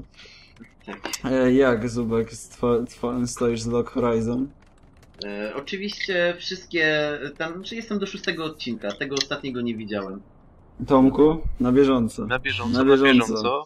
Dobra, Studio Dean. zaczynajmy. Log Horizon, e, Studio Dean to jest, zacznijmy od słowa klucz. Pierwszy sezon, pewnie połowa osób się złapała teraz za głowę, o mój Boże, Log Horizon, zasnąłem na tej serii. To prawda, pierwszy sezon naprawdę mógł czasami zmęczyć, był wolny. To były MMO okruchy życia.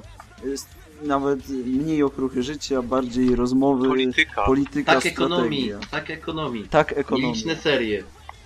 Trzecia seria z tagiem ekonomii, to jest ważne. Tak. Log Horizon... Co jest poza tym? To jest nieważne. Zaraz ci powiem, opowiem ci. No właśnie. Okej. To i Dobrze, mamy grupkę graczy, którzy grali, sobie, którzy dużo grali w sobie w MMO, które nazywało się Elders Online. Coś w ten des. Elder Tale. Elder's Tale.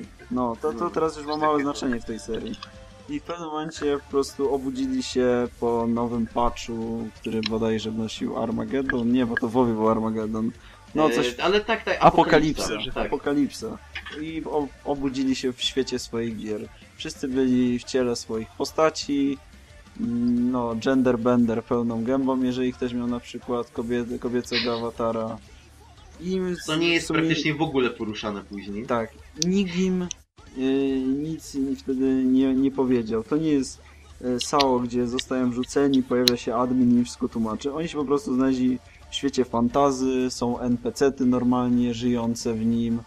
Y, I cała pierwsza seria jest tak naprawdę jakimś przygotowywaniem tego świata, zrozumieniem jej mechanik.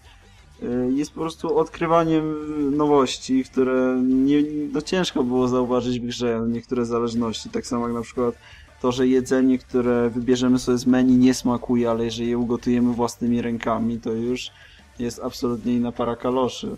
Ale musisz tak być są. kucharzem. No, tak samo są niezliczone ilości klas postaci. W ogóle nie rozumiem, jak na przykład można mieć specjalizację sprzątanie w grze MMO, ale można mieć najwyraźniej. Ej, no jak w WoWie. W WoWie też jest podklas tych takich jakichś dziwnych odgromów.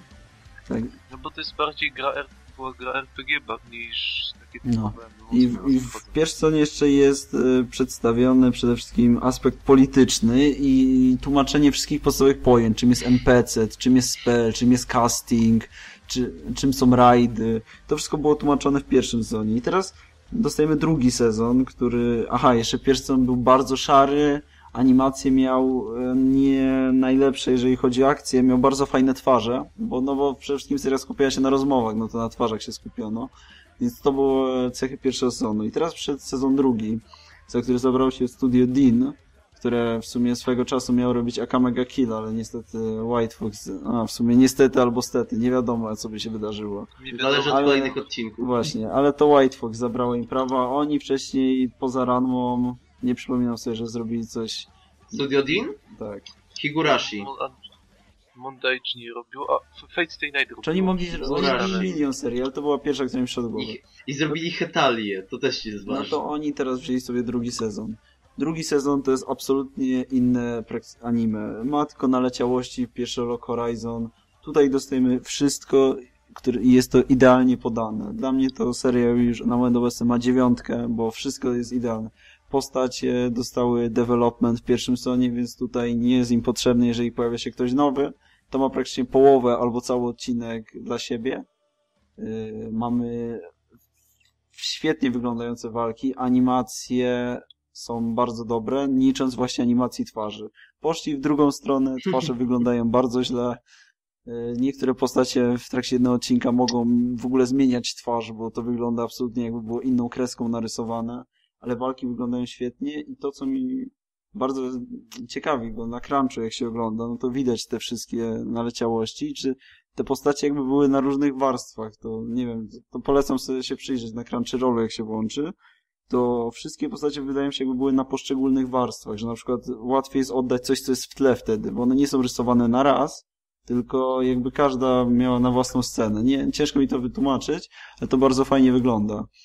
Yy, Kolejna rzecz, no to to, że już przestano opisywać wszystko, skupiono się przede wszystkim na tych mechanikach, to, to na czym najbardziej cierpi SAO. Tutaj każda walka jest przemyślana i wynika z mechaniki świata, a nie z tego, że ktoś jest silny. Tutaj nie da się wygrać czymś innym niż statystykami, jak w każdym MMO. To jest chyba normalne.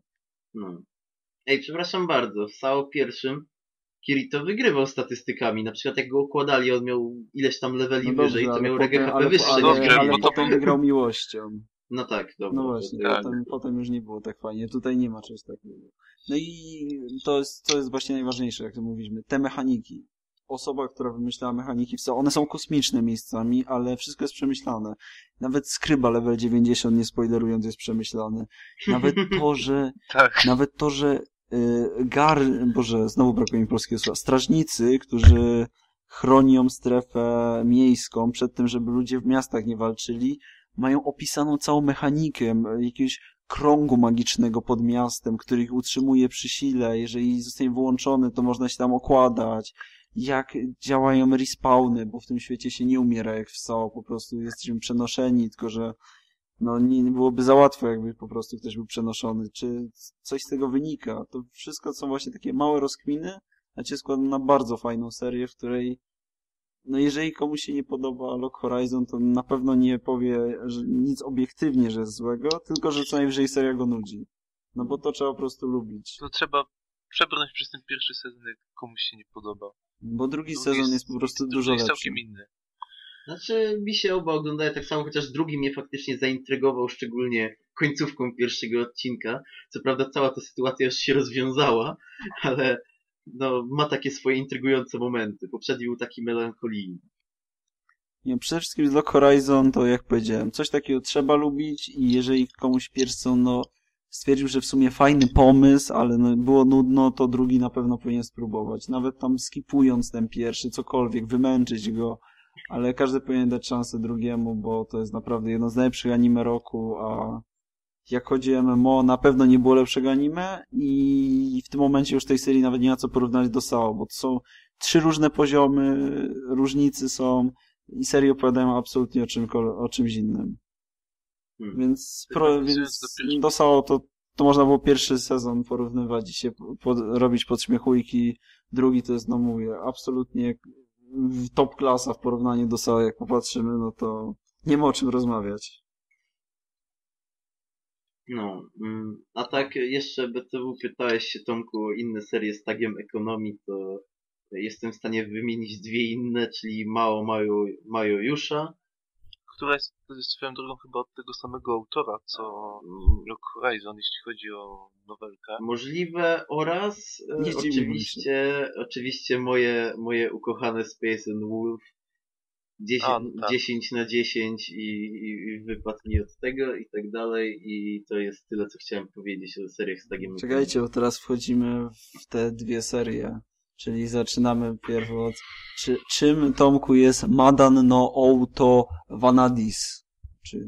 Czekaj, czekaj, jeszcze wspomnę o Desherek Horizona, no. że jak komuś podobały się bazy danych, to opening nie został zmieniony. O właśnie, to jest najważniejszy tak, plus. I kolejny Boby. smaczek, jeżeli ktoś jest na bieżąco z Lock Horizon i jeszcze o tym nie wie, to polecam sobie włączyć yy, opening pierwszego sezonu i pierwszą scenę, która jest wzięta żywcem z siódmego odcinka drugiego sezonu. Czy właściwie no... No, nie, no, nie no, no, technicznie, no, technicznie rzecz biorąc. Nie, no wiedzieli, co, co będzie. No. no. No i bardzo dobrze. Jestem za tym, żeby wiedzieli od razu, co chcą zrobić, a nie później nie wiadomo co O, takie jedno studio, o którym jeszcze powiemy. które, które zauważyło, że odcinków brakuje. Dobra, lecimy. Dobra. Czy, czym jest Tomku Madan no Outo, Vanadis, czy Wanadis? To jest seria opowiadająca o tak, lordzie ziemskim, szlachcicu, można rzecz ująć, który żyje w kraju, gdzie głównie walczy się za pomocą miecza, toporów, tego typu rzeczy, a łuki są uważane za broń dla tchórzy, bo nie walczysz w zwarciu, prawda? I, ale jego on jest rodzina, łucznikiem. On jest łucznikiem, no. jego, tak, warto dodać. Jego rodzina wywodzi się właśnie z łowców, którzy polowali tam w lasach, na tych ziemiach, gdzie mieszka i dlatego jest łucznikiem. Taka tradycja rodzinna. No, wyrusza, wy, dołącza do armii wyruszającej na wojnie, wojnę przeciwko hmm, królestwu sąsiedniemu, które posiada taki status jak hmm, jest, brakuje mi polskiego słówka teraz, War Maiden, powiem po angielsku, które posiadają, jak się okazuje, jakąś magiczną broń, każda z nich, jest tam ich kilka, nie wiem ile, przegrywa, królestwo właśnie głównego bohatera przegrywa wojnę, on zostaje wzięty jako zakładnik na okup, bo zaimponował swoimi, swoimi umiejętnościami łuczniczymi właśnie tej panience, jednej z głównej, no, jednej z głównych postaci. O. A to Tomku mam... I mogę... historia ogólnie obraca się obok głównego bohatera, który próbuje desperacko obronić swoje krainę, którą zarządza najpierw przez, przed właśnie jakimiś innymi lordami z jego królestwa, którzy stwierdzili, że pod jego nieobecność za, zaatakują jego ziemię i przejmą. Później przed kimś innym jeszcze się nie pojawił, nie pojawili przeciwnicy, ale na pewno się pojawią. Nieważne. Czym ta seria różni się od typowej serii znaczy, fantasy? właśnie chciałem się zapytać Prawdopodobnie o, niczym. O jedną rzecz, bo teraz opowiedziałeś fabułę jako jakiś e, epopei o honorze, o tym, że on został złapany, a teraz chce odbić te swoje ziemie jako dobry patriota dla swojego ludu, w ogóle Robin Hood, bo też strzela z łuku i tak dalej, i tak dalej. A ja patrzę na tagi tej serii i widzę Ecchi Harem Romance. I właśnie No, powiedziałem, że są panienki wojownik, wojownicze panienki, wojowniczki, które są bardzo wysoko postawione w hierarchii państwa sąsiedniego. No tak, tak, tak, to ja wiem o tym, ale chodzi mi o to, Odnoś...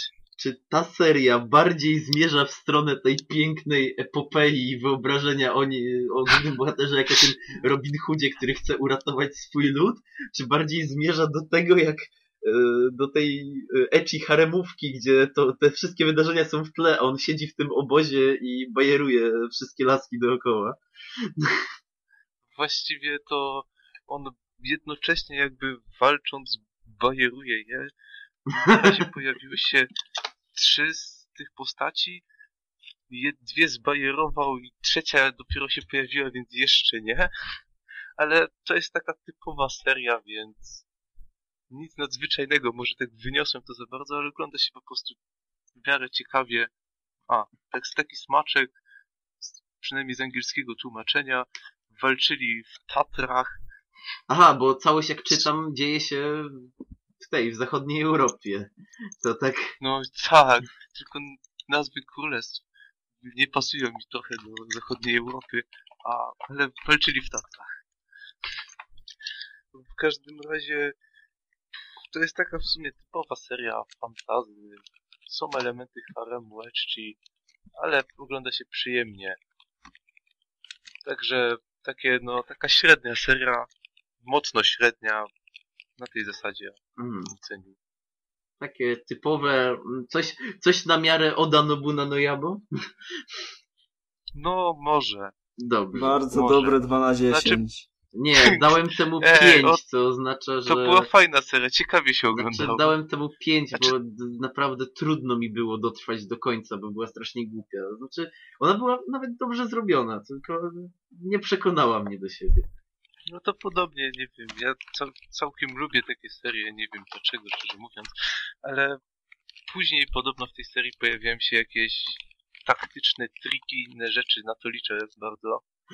Ale są też elementy, gdzie główny bohater bo tak zestrzeli, zestrzeliwuje smoka, bo nagle okazuje się, że jakiś łuk, którego strzela pospiesznie z magicznym łukiem, a tak to kurzył się w jego domu. Aha, Takie spoilery. spoko. Nie, ma, nie mam zamiaru tego oglądać i tak za bardzo. No wiesz, jeżeli nie, nie, nie, nie lubisz takich serii, to nie nie Znaczy, może kiedyś się za to wezmę. Ja nie? ogólnie lubię serie fantazy, tylko że średnio je lubię, kiedy mają opowiadać niby o czymś, no, kiedy są fałszywe, mają opowiadać niby o czymś większym, a kończy się na ecchi haremówce. Znaczy to nie, nie kończy się, no ciągle są to jakieś bitwy, prawda? Mhm. Tego typu.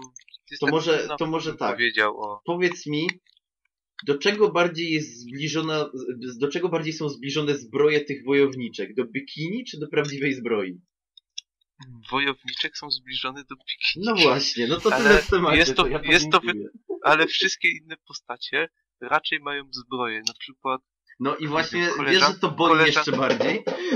znaczy wiesz, jest to uargumentowane tym, że w momencie, kiedy masz magiczny miecz, który osłania cię swoją magią, nie potrzebujesz zbroi i się- wyróżnia. Ale- czyli, na wzięli, zasadzie- czyli wzięli logikę Ter Online.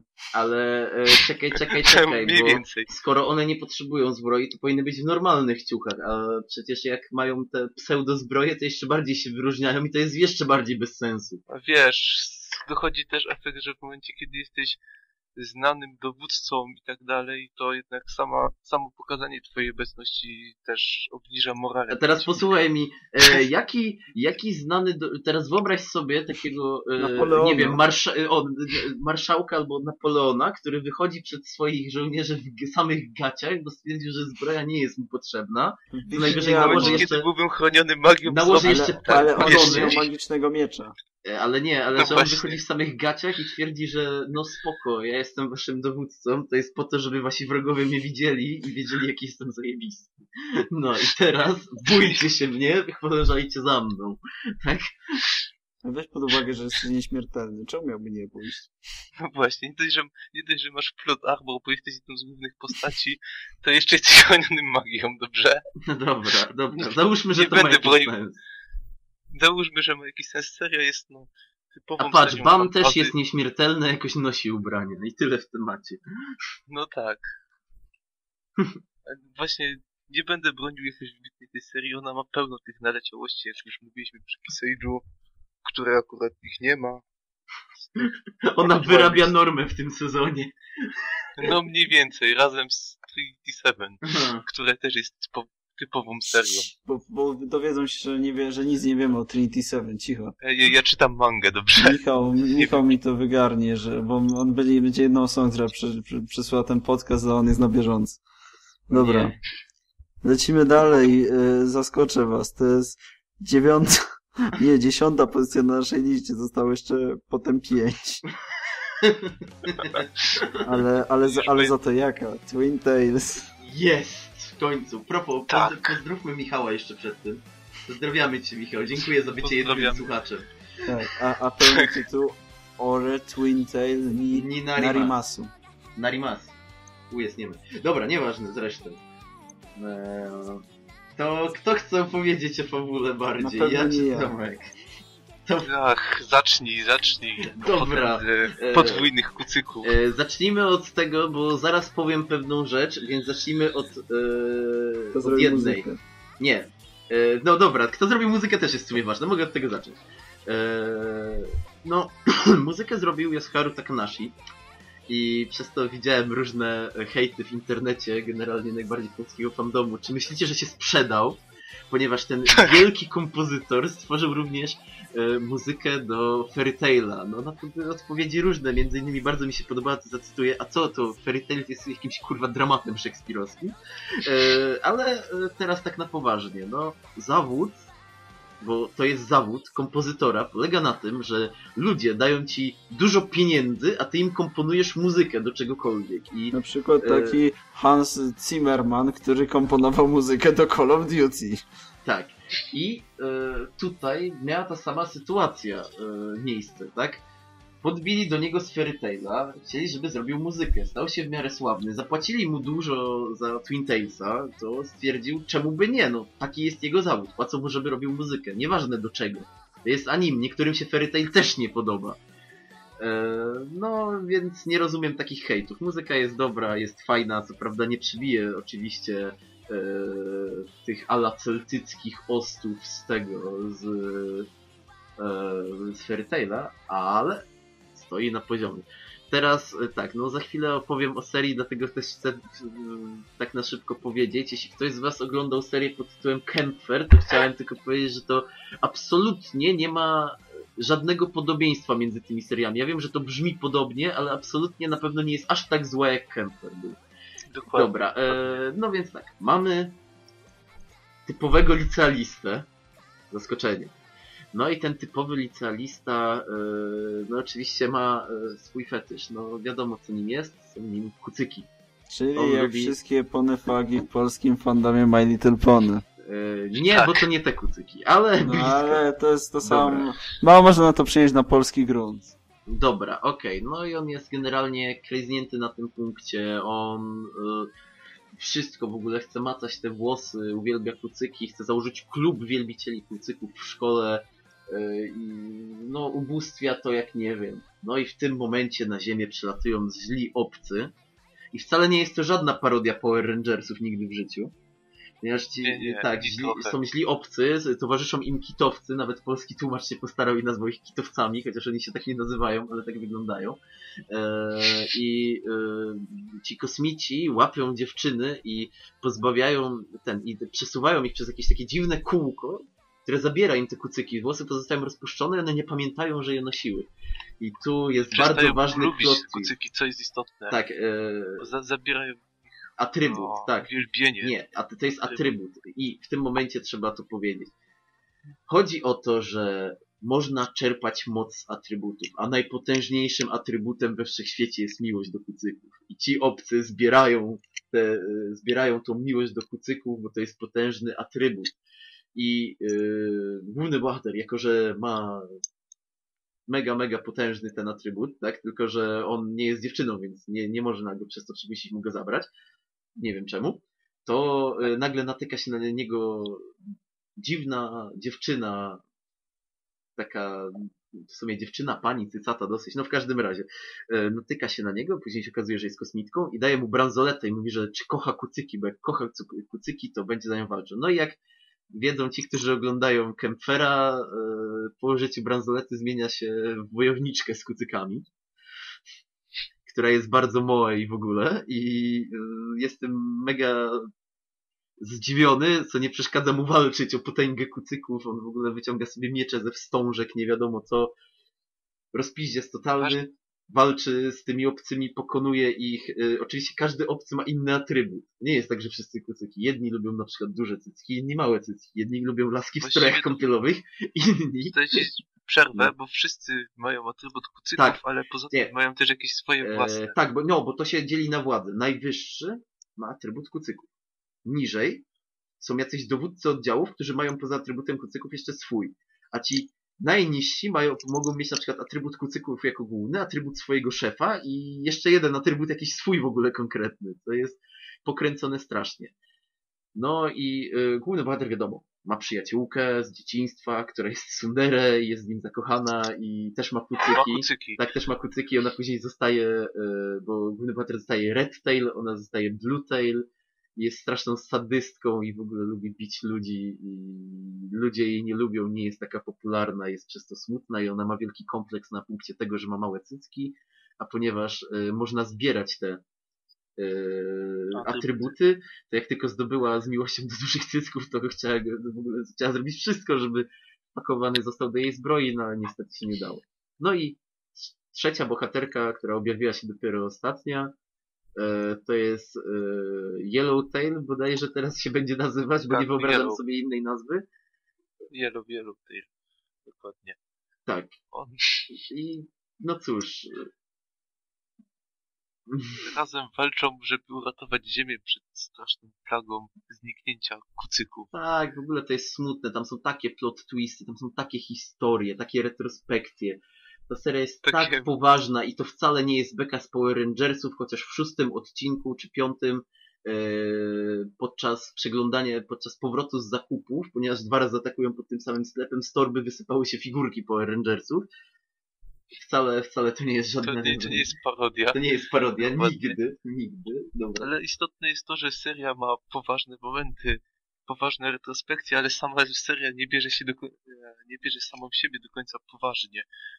Tak. Niektóre postacie żartują z tych poważnych rzeczy, jakich jest miłość do kucyków i tak dalej. Mhm. To jest też dobrym no, plusem tej, tej serii, moim zdaniem. Tak, jest plusem, bo a poza tym no, dialogi głównego bohatera są oczywiście piękne, a najbardziej mi się... Moją ulubioną postacią od razu została, została, je, została Yellowtail. Jej atrybuty są w ogóle zarąbiste, moc też to trzeba po prostu zobaczyć. E, w ogóle, jeśli ktoś odwiedza Reddita, to wejdźcie na ostatni odcinek i przeglądajcie sobie gify. Warto. Przekonają warto, was warto. do tej serii, jak najbardziej. I e, oczywiście, a propos różnych zależności, jeśli ktoś z was widział Hayori Niarko-san, jak najbardziej Twin Tales wam się spodoba, to mogę stwierdzić. Tak, Tomku, co, co jeszcze chcesz dodać? Bo do tej serii można dużo mówić. Seria, seria jest po prostu cudowna. Te emocje, tam, te przeciwnicy też są cudownie zrobieni. Każdy walczy, żeby coraz bardziej kochać swój atrybut i tak dalej. Postacie są w miarę ciekawe.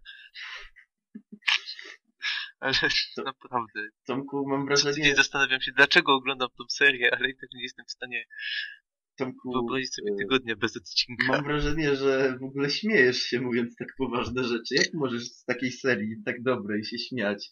Ja nie rozumiem, przecież ona jest przepiękna, w ogóle ci antagoniści. E, każdy ma w ogóle nazwę od jakiegoś zwierzaka i zaczyna się od jakichś w ogóle e, żółwi i tym podobnych, przez smoki, krakeny i nie wiadomo co. No, e, Piękne, piękne, piękna seria. Tak, szczególnie ostatni odcinek. To już w ogóle, no. Co tu dużo mówić. Czysta poezja. Must watch po prostu, must watch. No, moment, w którym na scenę wkracza Yellowtail i ona cokolwiek mówi do Redtail, to jest klękajcie narody. Dialogi to może w tym, znaczy dialogi, y, mimikę postaci i to, co one robią, to ja nie wiem, co może przebić. No, Jedna z najlepszych serii tego Tak. sezonu. E, A te, teraz jeszcze tak na szybko. Od strony fabularnej, oczywiście fabuła jest bardzo dobra, 2 na 10, ale i tak jest genialna. Od strony e, muzycznej jest bardzo dobrze. Od strony technicznej niczym się nie wyróżnia, ale źle też nie jest. Walki są nawet spoko. No chyba To można tak, no, walki są jak na typowego shonena, no tyle trzeba powiedzieć. Może troszeczkę niżej, ale też są spoko. Ale e, za gagi, za ten humor, za w ogóle całokształt, można temu zawyżyć oceny, jak ja nie mogę. W każdym razie seria naprawdę moim zdaniem jest bardzo dobra. Polecam z całego serca. Tak, I co najważniejsze, chodzi o takie kucyki na głowie, a nie My Little Pony. tak, Tak, to, to jest No istotne. to, jest nie, istotne. bo to trzeba powiedzieć. tak. No i oczywiście, zrozumieć. oczywiście pierwsza seria, w której po prostu śmiałem się, jak nie wiem, przy gagach z nawiązaniem do seksu, a to się rzadko kiedy dzieje. W Niarko też. No tak, ale, znaczy o, no pierwsza, no, w sensie jedna z nielicznych. No. Bo w Niarko też się śmiałem. przewraca się w grobie. Jak już mówimy o Niarko.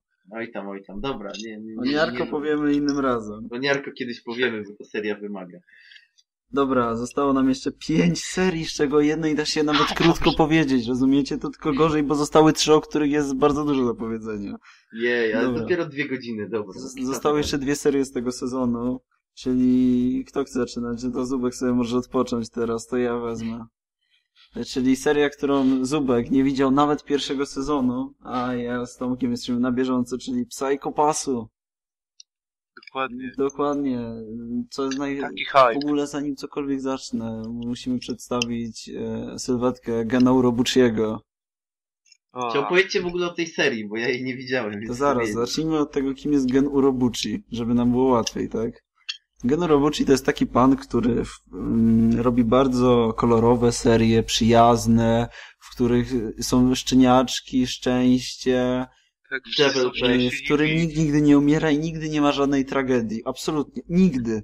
No i Cierpienie to coś No obcego. właśnie. No i ma na koncie na przykład takie, takie loli serie jak Fate Zero, Madoka, y, Phantom, y, właśnie Psychopath wspomniany, no Susei no Gargantia, Aldo Noah Zero. Spokojnie, on nie ma na on, on wie co robi, on robi wesołe serie dla całej rodziny. Dokładnie. I wymyślił sobie, że zrobi taką, że napisze scenariusz, czy tam będzie reżyserem, no na pewno jest główną osobą, tu, nie, scenariusz zrobił, która sobie wymyśliła, że będzie coś jak Psychopass. Ale czym jest Psychopass? Psychopass dzieje się w XXI wieku w Japonii, takiej futurystycznej, cyberpunkowej. Więc teraz będę to tobie, tobie zobacz tłumaczył. Mamy taką No. cyberpunkową Japonię, w której sobie rano wstajesz, powiedzmy masz, miesz, ma, mieszkasz w kawalerce takiej 20-metrowej, ale Mhm. tam bardzo jest rozwinięte hologramy, więc sobie na przykład wstajesz, wybierasz, że na przykład chcesz mieć mieszkanie dzisiaj w stylu e, jakiś styl e, gotyckim i ci się ustawia takie mieszkanie i może ci się nawet wydawać, że masz większy metraż, bo tak ci ustawi. Ty masz swojego prywatnego tam asystenta robota, który ci tam na przykład sprawdza, czy dobrze spałeś, czy masz jakiś dobór e, wapnie i tak dalej i na tej podstawie wydaje ci na przykład śniadanie i sobie tak mieszkasz. Wszystko jest tam zautomatyzowane w tym świecie. Samochody też jeżdżą sterowane przez komputer. Większość policji, znaczy może policjanci są zastępowani, ale większość takich podstawowych spraw załatwiają roboty. No i są jednak potrzebni jacyś policjanci.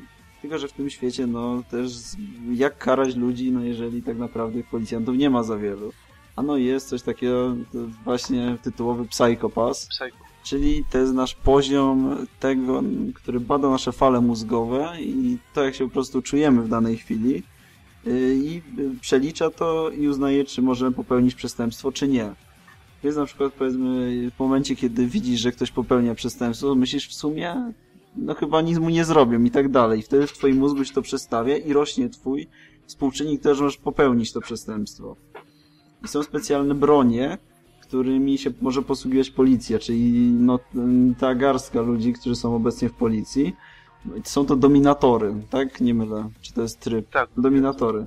I taki dominator po prostu sprawdza taki, takiego delikwenta stan i w zależności od tego, na jakim jest poziomie, od 100 do 200 tam bodajże go tylko paraliżuje, od y, 200 do 300 mm, co, coś, co on coś robił, czy to już jest ten, domin, czy to już... Już chyba jest, już chyba jest tego poziomu ten, niszczenie. No to jest najbardziej e, praktyczny strzał, który e, powoduje, że taki delikwent po prostu eksploduje w wielkiej e, kałuży krwi. No. Nigdy nie zrozumie, dlaczego nie może po prostu na przykład niszczyć serca taki strzał, ale nie, po prostu on eksploduje. A. To, Cóż, to miało tam znaczenie, to, to w sumie miało raz znaczenie fabularne, jak strzelali tym do gościa, który był w połowie cyborgiem, bo wtedy rozwalili mu rękę, a on przeżył, ale to jest ewenement taki pojedynczy. Tak. I no jeszcze do robotów jak strzeli też. no właśnie. I to jest właśnie Oj tam, w, oj. w taki, takim świecie rozgrywa się ta akcja. Główną bohaterką jest Akane, która na początku serii przyjeżdża, jest przestraszona wszystkiego, ślepo wierzy w ten system, Sybilla System, bo tak się nazywa e, ta maszyna, która przelicza każdy psychopas każdego człowieka w mieście. Jest śle- ślepo po prostu mu wierzy i uważa, że wszystko jest fajne. Jest inspektorem. Jeszcze dodam, że od- odnośnie Sybilla, że on nie, tylko przelicza psychopas, ale y, Decyduje o przyszłości. Ludzi do tego, sortuje ludzi do tego, jaki zawód, jakie mają predyspozycje do wykonywania danych zawodów. Na przykład ktoś, nawet jak chce zostać na przykład malarzem, to Sybil mu może stwierdzić, że on się nie nadaje i zostanie piekarzem. Prawda? Ludzie, ludzi- ludziom nie zawsze się to podoba, ale większość ufa temu systemowi, prawda, i podąża za nim się. No to Akane nie miała żadnych pomysłów. Zaproponowano jej inspektora, dlatego że e, jej wskaźnik jest bardzo trudno zachmurzyć, czyli po prostu zwiększyć ten poziom. To ona jest właśnie bardzo silna psychicznie. Zaproponowano jej, że będzie inspektorem, czyli osobą, która e, jest, je, jedzie na akcję i ma pod sobą zazwyczaj jakiś może czterech, e, pięciu egzekutorów, czyli po prostu ludzi wyjętych spod prawa, takich, których wskaźnik poszedł już powyżej 150 bodajże. I no to wtedy za, zamiast ich zamknąć w więzieniu, to się ich bierze i zamienia ich się na egzekutorów. Oni dostają swoje dominatory, mogą z, ni- z nich strzelać do każdego, kto nie jest ich e, no, przełożonym. I w, w takim świecie się rozgrywa akcja. No i wtedy pojawiają się po prostu osoby, na które na przykład Sybilla system działa gorzej albo lepiej. Czyli fabuła jest epizodyczna. Nie no, fabuła jest taka, Nie. że jest jeden główny zły, który się pojawia w pewnym sensie w momencie fabuły i tak naprawdę to jest ba... to jest seria kryminalna, science fiction i bardzo mocno psychologiczna, bo tam główny antagonista rzuca na przykład y, tekstami z jądra ciemności, które przez, sumie w serii też czyta. O, Tak.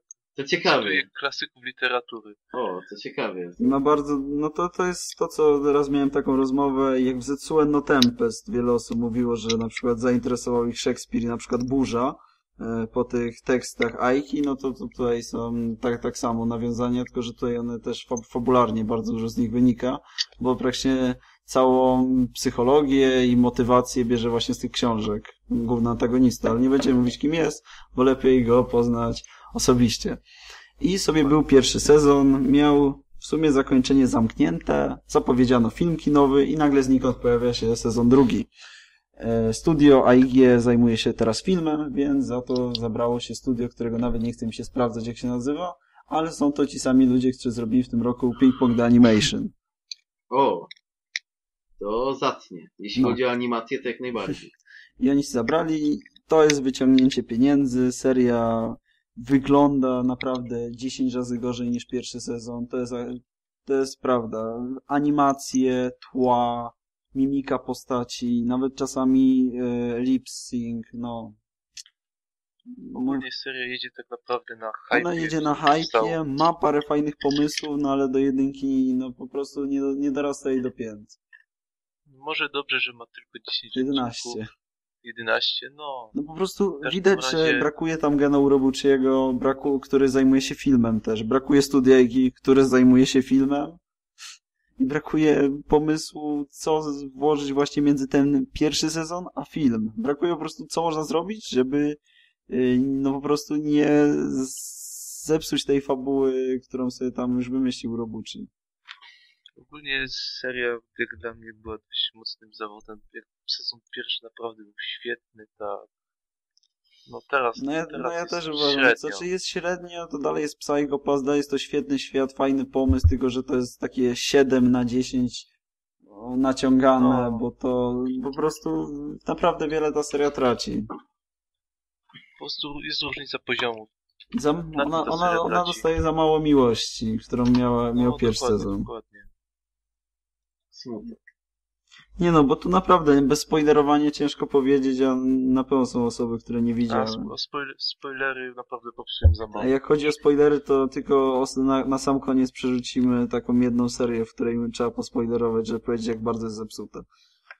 Dobra. A, Yy, zostały nam jeszcze cztery serie, w sumie trzy i jedna króciutka, czyli Zubek, Shingeki no Bahamut, Dobra, Shingeki no Bahamut w skrócie, czyli atak Bahamuta, nie atak Tak. na Bahamuta. tak dokładnie, czyli y, to y, ta zasługa polskich tłumaczy, samo jak Shingeki no Kyojin. Ale to nie jest polski, to angielski tłumaczy, przecież to jest Attack on Titan, tak? No, mówię zasługa polskich, że to przetłumaczyli dobrze. Aha, no. No, w sensie od... Ale nie, Dobra. no bo angielski też jest Shingeki, no wtedy jest Attack of Bahamut, a nie on. No dobra, dobra, Dobra. no to, to Bahamuta tamtego. Dobra, w każdym razie. Shingeki no Bahamut jest to e, historia dziejąca się w świecie fantazy, stylizowany na raczej takie e, typowo europejskie fantazy, europejskie średniowiecze. E, z, tego, z tego co patrzyłem.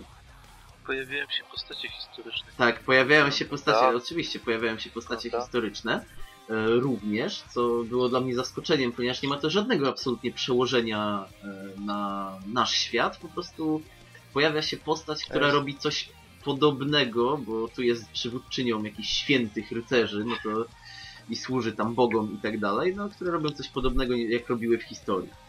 Dobra, e, mamy głównych bohaterów trójkę, e, którzy, których znamy praktycznie od początku. Otóż jest y, Favaro.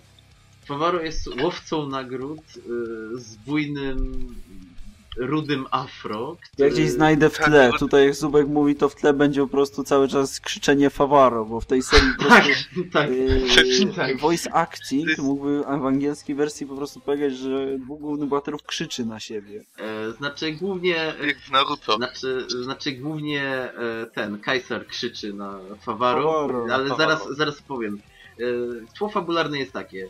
Na samym początku poznajemy e, Favaro i Kaisara. Kaiser s- ściga Favaro. Ścigają się po wielkim murze, później po dachach, oczywiście jeżdżąc konno. Wszystko na konie. E, Wszystko na koniach, później Favaro zostawia konia, wspina się na wielk- wielkie koło młyńskie. Mamy scenę z rodem e, z piratów z Karaibów, jak się nawalają na tym kole młyńskim. Walczą ze sobą na miecze oczywiście. Obaj, no, ale w każdym razie, obaj są łowcami nagród. Z tym, że Favaro wcześniej był bandytą, a Kaiser wcześniej był szlachcicem i w ogóle on, e, Kaiser obwinia e, Favaro o to, że już nie jest tym szlachcicem, bo tam to później ma takie ma bardzo przejmujące backstory, jest, jest bardzo dramatyczne i się okazuje, że to tam niczyja wina tak naprawdę jest. E, wracając do samej głównej historii, jest też Amira. Amira to jest dziewczyna, która, znaczy dziewczyna, kobieta, która spada z nieba i jest demonem i jest mega potężna. Generalnie naprawdę jest strasznie, strasznie potężna i może tam się zamieniać w tego demona i no, no, los e, los akurat krzyżuje jej ścieżki z Favaro. E, Favaro próbuje coś tam, e, próbuje zarobić na życie, czyli złapać jakiegoś bardzo groźnego bandytę, ona go ratuje i z tym, że Favaro się oczywiście schlał i stwierdził, że zna drogę gdzieś tam. Nawet nie pamiętam gdzie to, do jakiejś tam krainy gdzieś na północy bodajże. No, a ona chce się tam dostać i uznał, że ją zbajeruje i powie, że ją tam zabierze, no a że był pijany to okej. No i później pomogła mu w walce, on prawie umarł, ona go uratowała, no i przez to dostał demoni ogon. A demony nie są mile widziane, szczególnie przez świętych rycerzy, którzy ścigają Amirę. Bo się okazuje później, że ona coś ukradła, z jakiejś siedziby bogów, czy czegoś w tym stylu. Tak się... To, znaczy, to jest ta główna fabuła i główną fabułą jest podróż. Znaczy, Kaiser ściga Favaro, a Favaro chce e, pojechać do tego miejsca, chociaż zupełnie nie wie, gdzie to jest. E, żeby najpierw, najpierw się bał Amiry, później chciał ją oszukać, a w końcu nie chce jej zawieść. No. I to ta cała wielka epopeja, wielka historia e, tak naprawdę nie ma nic do rzeczy, ponieważ fabuła jest epizodyczna.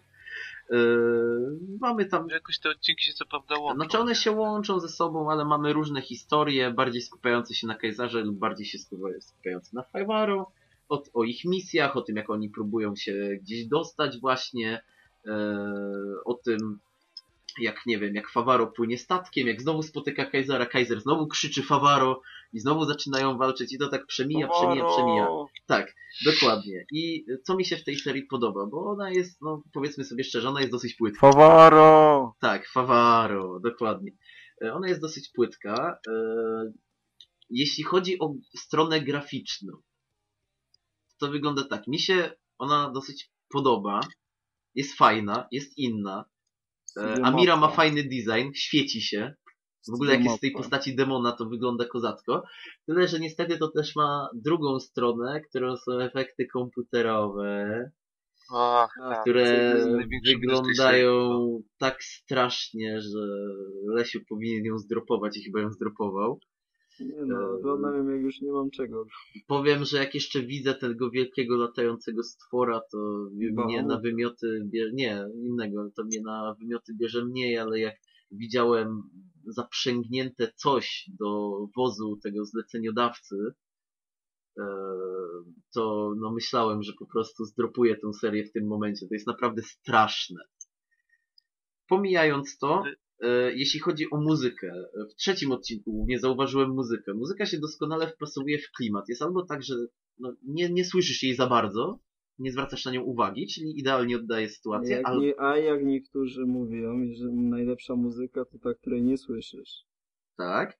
A e, w niektórych odcinkach, nawet ja, co jest dosyć dziwne, bo ja z reguły nie zwracam na to uwagi, zwróciłem uwagę na to, że jest muzyka e, naprawdę fajna, naprawdę fajnie się w to wszystko wpasowuje i nie tylko jest dobrym tłem, ale pomaga budować ten klimat. I to jest, właśnie w całokształcie tym mnie urzekła ta seria, że to jest taka, taka bajka. No, nie jest jakieś głębokie, szczególnie opowiada różne historie, jest ten magiczny świat, tak? ale taka bajka z bardzo dobrym klimatem. Naprawdę oglądając to, idzie się wczuć.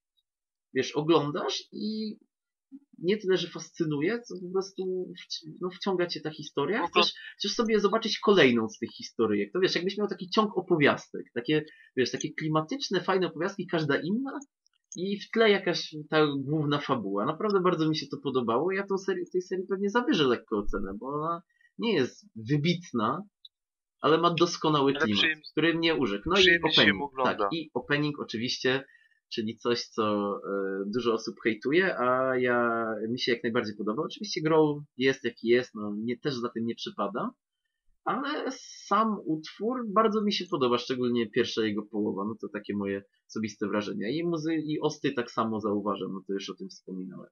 Byłem, mówię, zawyżę pewnie ocenę, seria jest dobra, pewnie dam jej jakieś 7,5, Jestem jak najbardziej za, polecam, tylko jeśli nie przekonają was pierwsze trzy odcinki, to nie ma co oglądać już dalej. Dalej?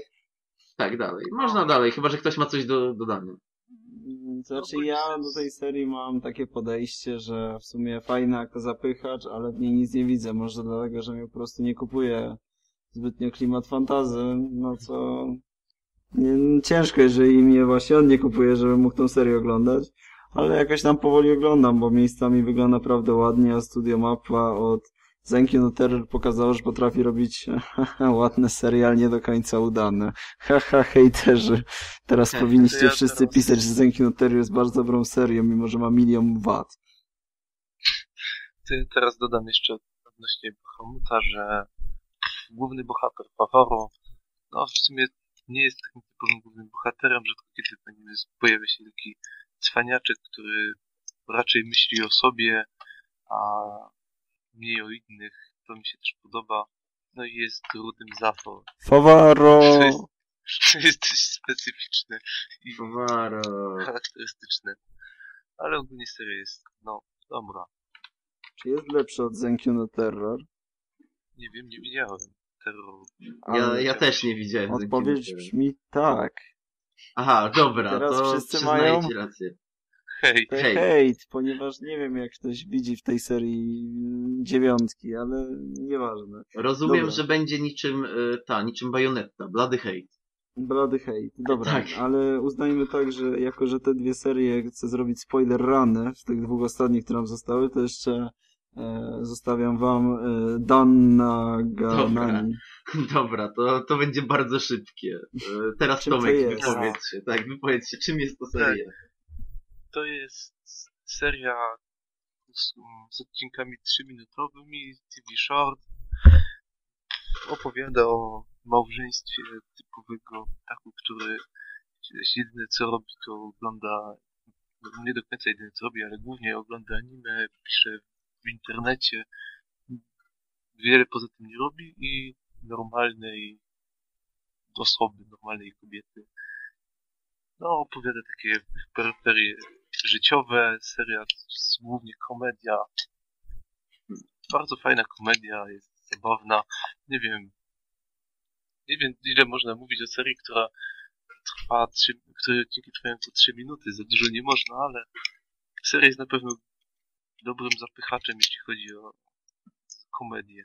Tak, y, można, można dodać, że Dan Naganani wo Itteriru K Wakarana e, Ken, można przy, to jest, y, angie, to jest japoński tytuł, a angielski tytuł jest e, I can't understand e, what my husband is saying, co może powiedzieć trochę więcej, czyli nie rozumiem, co mówi mój mąż i to jest takie, znaczy to jest taki zabawny po prostu, zabawne skecze. To są po jeden, dwa skecze na odcinek. No, One trwają sobie z dwie minutki. Możesz sobie obejrzeć, pośmiać się przez chwilę, bo te gagi są absolutnie randomowe, typu nie wiem, ona zaprasza swoje przyjaciółki, on później e, śmieją Chodzi się z niego, tak, tak, bo nie wiedział co powiedzieć, a później ona mówi, żeby zaprosił swoich przyjaciół, a on mówi, że czy ludzie w internecie się liczą i popada w depresję. No takie, no smaczki, smaczki, smaczki. Ogląda się przyjemnie, jak ktoś ma te trzy minuty do wytargowania w tygodniu, co chyba trudne nie jest, to jak najbardziej, czemu by nie. Zapychacz. Dobra. No czyli powiedzieliście o tej serii tak długo jak trwa jeden odcinek Tak, dokładnie i tyle wystarczy. i zostały dwie, najgrubsze ryby. Teraz jeżeli ktoś jest bardzo podatny na spoilery i nie wiem, jakimś cudem nie ogląda tych serii na bieżąco, bo jak ogląda to nie będziemy wybiegać z mangą w przypadku tej pierwszej serii, a z drugą to już będą spoilery, ale to jeszcze chwilę może zostać. Ale jeżeli ktoś tutaj doszedł w podcaście i nie chce spoilerów serii, które nazywają się Sword Art Online i Akamega Kill, to my, się, to my się w tym momencie żegnamy. Dobranoc. Tak, dobranoc. No cześć. Dobranoc, Dobra. życzę szczęścia. I teraz przechodzimy pierw do SAO, jako że nie będę spoilował noweli, z którą jestem na bieżąco w 15 volumie. Yy, pominijmy to. Zostajemy przy tym, co dostajemy w anime. Jej. Nie no, jeżeli ktoś tutaj został, to znaczy, że spoilery mu nie straszne, to nie będę zaczynał na temat fabuły SAO, bo to by nam trochę zajęło. Tak, dobrze. Ale powiedzmy pierw od tego, jakie jest nasze podejście do SAO, bo jak wszyscy wiemy, SAO trzeba hejtować, jeżeli zna się, jak ktoś się zna na anime, to musi zhejtować SAO i powiedzieć, że jest gównem, najgorszą serią, jaka powstała, daje raka i po prostu Tak, E, i najlepiej najpierw opowiedzieć jakieś logiczne argumenty i wystawić jej 6, a później przestawić cenę na 2 na 10 i zacząć ją fejkować. Tak, no i na, na przykład i Kirito daje wszystkim ebole. To, to jest oczywiste. Tak, dokładnie. I to w takim razie kto zacznie od podejścia? Znaczy, to jest nasze podejście, w sumie chyba żaden z nas nie hejtuje SAO, tak? Ja No, ale zależy jeszcze, takie, że to jest taka, taka średnia seria, którą na początku jak oglądałem pierwszy sezon, miałem, miałem myślałem, że będzie to coś innego, wyszło co innego, potem pojawiła się kraina w górze, No, No, to mi się nie podobało i zastanawiam się, dlaczego ja to Znaczy, oglądam. każdy, czym to znaczy, jest każdy ma takie jest normalne podejście do SAO. Pierwszy ark wszystkim się podobał, ewentualnie coś tam przebąkiwali. Ewentualnie Jak... komuś się nie podobała zabawa w domu, ale... No właśnie, ewentualnie przebąkiwali, Zabawa jak w domu była... była fajnie zrobiona. Znaczy, odnośnie zdaniem. zabawy w domu to zaraz jeszcze przejdziemy. Bo zabawa w domu wielu osobom się nie podobała, ale była częścią tego pierwszego sezonu, który no, był fajny, tak? No, Tak. Po prostu na tym się SAO wybiło. Potem przed, e, przyszły wróżki Alfheim Online, który był, nieporoz... Który był istnym nieporozumieniem. To w noweli nie było ciekawe, ale w anime to już jest absolutnie wyższy poziom. wszystko. Tak, tam jest wszystko przebite, to nie ma znaczenia. I teraz y, dostaliśmy drugi sezon, który opisuje Gunsgate Online, Mother's Rosario i y, bo to się nazywa Eincard Chronicles bodajże. E, Ale po kolei. Y, Jeżeli komuś się podobało GGO, to niech wyłączy ten podcast, bo nie wiem, co tam było dobrego. Tam nie było nic dobrego. No, nie wiem, ale znaczy, może nie tyle, że mi się podobało. Ej, ej, może, może nie tyle mi się podobało, co nie widzę tym jakiegoś super coś złego. Dla mnie był po prostu średni. Ja tam nie, ale to jaki był fajny element? Znaczy, wiesz, Co było ono nie fajnie miało za zrobione? dużo... Znaczy, co było fajnie? Mi się ogólnie podobała ta gra dosyć. Naprawdę, mi się... Ale Kirito nie grał w tą grę, on miał miecz. No nie grał w tą grę, ale chodzi mi o te sceny, kiedy Gwiezdne go nie było i kiedy nie było robionych jakichś backflipów przez miliard sekund. To w pierwszym ale... odcinku. Dobra, no, ale... Tylko w pierwszym. Ale nie, no, były... Mi się podobało to, co było w tle. Sama ta gra, poza Kirito. Sama ta gra, ona była fajna. I ten motyw mordercy może, no, był jaki był, ale e, podobało mi się trochę to, co się działo w prawdziwym świecie. Może nie tak jakoś super, ale niektóre elementy były fajne, jak wiesz, tam... No, E, Trauma Asady. nie, nie, to jest ten z tych złych elementów, ale niektóre znaczy, naprawdę nie były złe, tam było w końcu coś pokazane, że on, że Kirito normalnie w tym świecie żyje, że się spotka z kimś na kawę, nie wiem, coś, no. Mówię, po prostu nie hejtuję tego, był średni, był na maksa średni. Co jest najważniejsze jeszcze w GGO jako zarzut? Tam jest Sinon, Asada. E, I jeżeli do tego momentu w SAO, nie licząc, no, Suguchy, wszystkie postacie miały bardzo fajne rozwinięcie psychologiczne. O tym rozmawialiśmy już z Zupkiem, jak jechaliśmy na Gamescom. I w SAO każda praktycznie postać, ona jej reakcje wynikają z czegoś. Ona ma coś w głowie, ma swoje przemyślenia i nawet jeżeli jest częścią haremu Kirito, to z czegoś wynika. To nie jest na zasadzie tego, że po prostu jest jego częścią. Dla, dlaczego Kirito ma harem? No bo byli zamknięci w grze, która w tym momencie była ich całym życiem, no bo jak umarli, to umierali w rzeczywistości, tak? Był Mm. Kirito, który był jednym z najsilniejszych graczy i był pomocny dla wszystkich. No to jeżeli Kirito pomagał tym dziewczynom i miał wysoką pozycję społeczną, to dlaczego one miały się w nim nie zakochać, tak? To było ich całe życie tak naprawdę, ta głupia gra, w której wtedy byli zamknięci. Jak dla mnie to jest logiczne. Nie licząc tego, że teraz się pojawiła Suguha i Sinon, które są absolutnie nielogicznymi postaciami. Co Znaczy, łamie Yuki, harem jest która zawsze naciągany, ale co łamie Yuki, która się teraz pojawiła, bo ona jest bardzo fajnie przedstawiona w anime. Za to dostają naprawdę A1, dostaje dużego plusa, że jej nie zepsuli. Bo kim jest Yuki, to dopiero wyjdzie na jaw, tego nie spoilerujemy, ale czekajcie na ostatni odcinek, bo jak A1 tego nie zepsuje, to ostatni odcinek tego arku jest bardzo fajny. Ale Nie. muszą tego nie zepsuć. A teraz jeszcze przechodząc do Black Hate'ów. Gigio nie miało nic fajnego. Walki były masakryczne, po prostu jak zaczęli do siebie strzelać, biegać, animowane były obrzydliwie, ewentualnie przez chwilę może jakoś wyglądała walka Desugana z Kirito, ale to tylko przez chwilę. Ogółem same głupoty, masakra, masakrowanie widza. Potem przyszedł y, na chwilę Ark, który, no Kaliber, który został dodany tak. z dupy, bo on jest pomader z Rosario i jest zbiorem side story w jednej, w jednym woliumie, tam są cztery historie w jednej książce, krótko opisane, nie wiem w ogóle po co to wzięli, ale chyba nie chcieli, nie mieli jak rozpisać Mother z Rosario. ale ten ark sobie. akurat mi się podobał. I wzięli to, więc poszedł sobie harem Kirito walczyć, zdobyli sobie miecz i na tym się skończyło. Oczywiście y, jedyny, teraz uwaga, uwaga, a w kwart moment Kirito, jedyny, są jedyną grupą, która zrobiła raid w grze. Mają jedyny item dostępny w tej grze, Co można z nim który zrobić? jest Wyrzucę jednym z najpotężniejszych. I Kirito z powodu tego, że jest za ciężki, wyrzuca go w przepaść. Zamiast podać go komuś na latającym słoniu, czy co to było. No właśnie, a jedyna Sinon, która jest upośledzona, wpadł na pomysł, może jednak z- Nie wyrzucajmy może jednak go nie wyrzucajmy, ja uratuję ten miecz. Po czym ma chwilę geniuszu i wyjeżdża z tekstem do Kirito. Pamiętaj o mnie.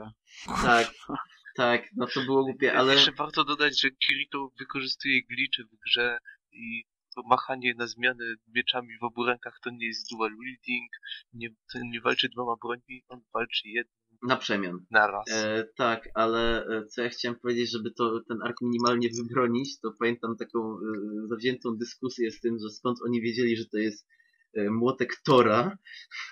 To już Właśnie, e, ma, ma, mamy właśnie cały pokój w- obrzucony złotem. e, Podszukamy złotego młotu. E, Kopnijmy to prądem. Ej, słuchaj, cały czas jest w tym arku wałkowane to, że to jest wzięte z mitologii nordyckiej. Są te Alfheimy, Nordheimy, coś tam nieważne. Tak, Excalibur jest najbardziej No ale mieczem, ale Excalibur i. Pani Jeziora były wzięte dobra z innego, ale cały czas jest wałkowane, że głównie jest to mitologia nordycka. I w tym momencie Freya, która jest z mitologii nordyckiej, mówi im, że mają Jest- znaleźć Jest ewidentnie pozmieniana, jak dwie pozostałe. nie, nie, nieważne, ale mówi, że mają znaleźć młotek. nie hejtuj I na teraz- razie. I teraz masz wszystko skumulowane z tą mitologią nordycką, no to czemu by nie spróbować walnąć w to prądem? No to to jest, każdy na to wpadnie. No nie, no wątpię. Ja się zgodzę, z przymrużeniem oka można to zaakceptować. Przecież ja, ej, przecież ja, no nie wiem, ja od razu skojarzyłem pewnie, że pewnie zaraz kopną to prądem. No ja też, no ale to jest, No, to jest z przymrużeniem oka. no dobra, ale cały, oka. ej, przy, przyznajmy, cały ten ark był z przymrużeniem oka, to mi się w nim podobało. On nie, No był, to trzeba on nie był poważny, Znaczy- Sao zawsze bije taka powaga, nie wiadomo, nie, znaczy oni tego próbują zrobić w to pewnym momencie poważne. biła powagę. No to w pewnym, Biła ale to powaga. było takie już mega naciągane, ale on no, Moment, normalnie, wiesz, kiedy Kirito wy, wyjmuje Excalibur. Myślałem, że sąsiedzi do mnie do domu przyjdą. Co to było? tak, ej, ale Ale mówię, najlepszym elementem moim zdaniem tego arku był powrót do MMO, że Tak, że oni po jest prostu sobie weszli i poszli na rajd. Nie było żadnego, wiesz, umierania. I co najgorsze dla tej serii, Block. Horizon też są rajdy. No właśnie, to trzeba Tak, no to- to- to jest Z smutne. Horizonem wypadli niestety słabo, ale, ale przynajmniej pokazać, że No dobra, jest uznajmy, że GGO było fatalne, to było po prostu głupie. To było Ale nie głupie, było ale złe. było fajną odskocznią. No i teraz przyszło Mater z Rosario, które wow, dwa dobre odcinki SAO z rzędu, po prostu niesamowite. Myślałem, że ja nie dożyję tego dnia.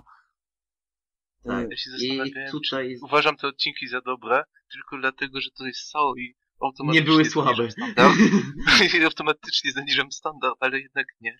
To były dobre Znaczy, odcinki. na teraz- teraz... dobre odcinki, dlatego że to jest jedyny ark przez jedyny volume, jeden przez 15, czyli jedna 15 SAO, w której Kirito nie jest głównym bohaterem.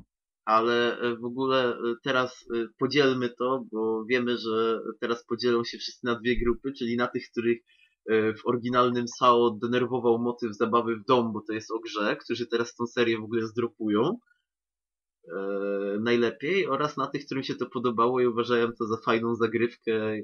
Nie no, teraz właśnie, ta, właśnie przez to ta zabawa w dom nabiera sensu, tak? No, bo tak. my widzimy teraz, po co oni tak bardzo im zależało wejść na to piętro, po co tak bardzo chcieli No. e, Nie, ten dom się, kupić. mnie się to podoba. do, do to czego jest... oni chcieli wrócić, widzimy. To nie jest na głupiej retrospekcji, tylko my przeżywaliśmy to w pierwszej przez dwa odcinki i to jest dobrze zrobione. Tak i powiem, że no jestem osobą, której się jak najbardziej podobał tamten arek, bo ja lubię takie, wiesz, takie zagrywki, gdzie jest coś jednoznaczne i się faktycznie schodzą i faktycznie jest ta właśnie zabawa w dom i tak dalej, bo w wielu seriach tego nie ma.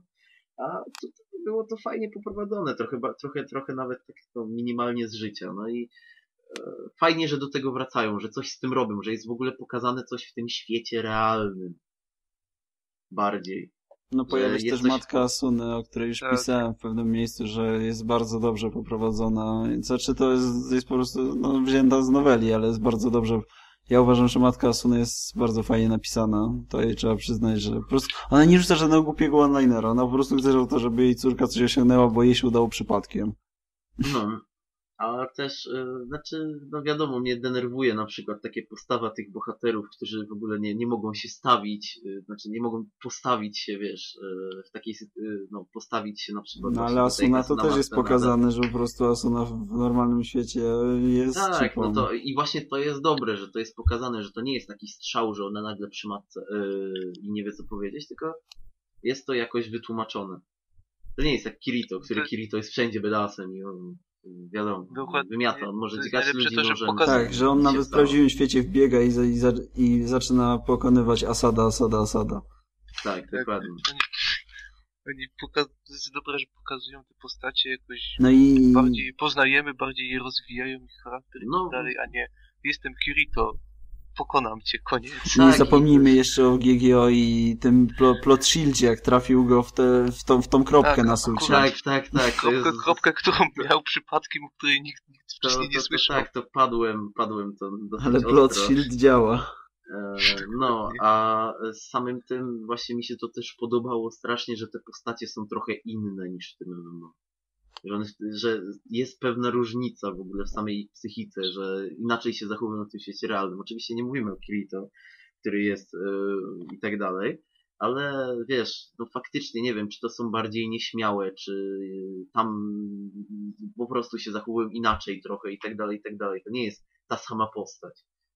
To jest fajne, No, że to to, jest jest- jakoś to jest pokazana dobre, to taka lekka psychologia, no bo ty nie będziesz w jakiejś, jeszcze rozumiem ich jak byli w SAO, no to okej. I no, Sao jakiej- jest, jak zawsze powtarzam, Sao pod względem psychologii i można się Tak. czepiać tej serii, ale on tam nie ma błędu. Ale mi chodzi jak byli w SAO w sensie w pierwszym arku w grze, No. no. to jeszcze rozumiem, że wtedy byli na przykład no, prawie tacy sami, no ale teraz jak jest Sinon, czy yy, w ogóle dołącza do nich jakaś nowa osoba, to czy spotykają kogoś nowego, to jest pokazane, że ci ludzie inaczej no, się zachowują w MMO, a inaczej w życiu. No przecież tak, no, tak normalnie jest, no Tak jest. poczytaj sobie Mówię. czaty w WoWie, czy coś w tym stylu, no. Jak I mówię to się będzie tak miejscu, zachowywał, no. jak chodzi osoba, która dopisała do historii Sao Yuki, to ona bardzo dobrze się rozpoznaje w tym świecie i dla wszystkich mówię, jeżeli ktoś skończy tą historię, no to jest najlepsza opowiedziana historia w Sao, jak chodzi o historię postaci. Nie chodzi mi o świat, tak dalej, tylko histo- odkąd poznajemy Yuki, do właściwie końca arku, bo potem jej nie ma, no bo Kirito znowu jest najważniejszy,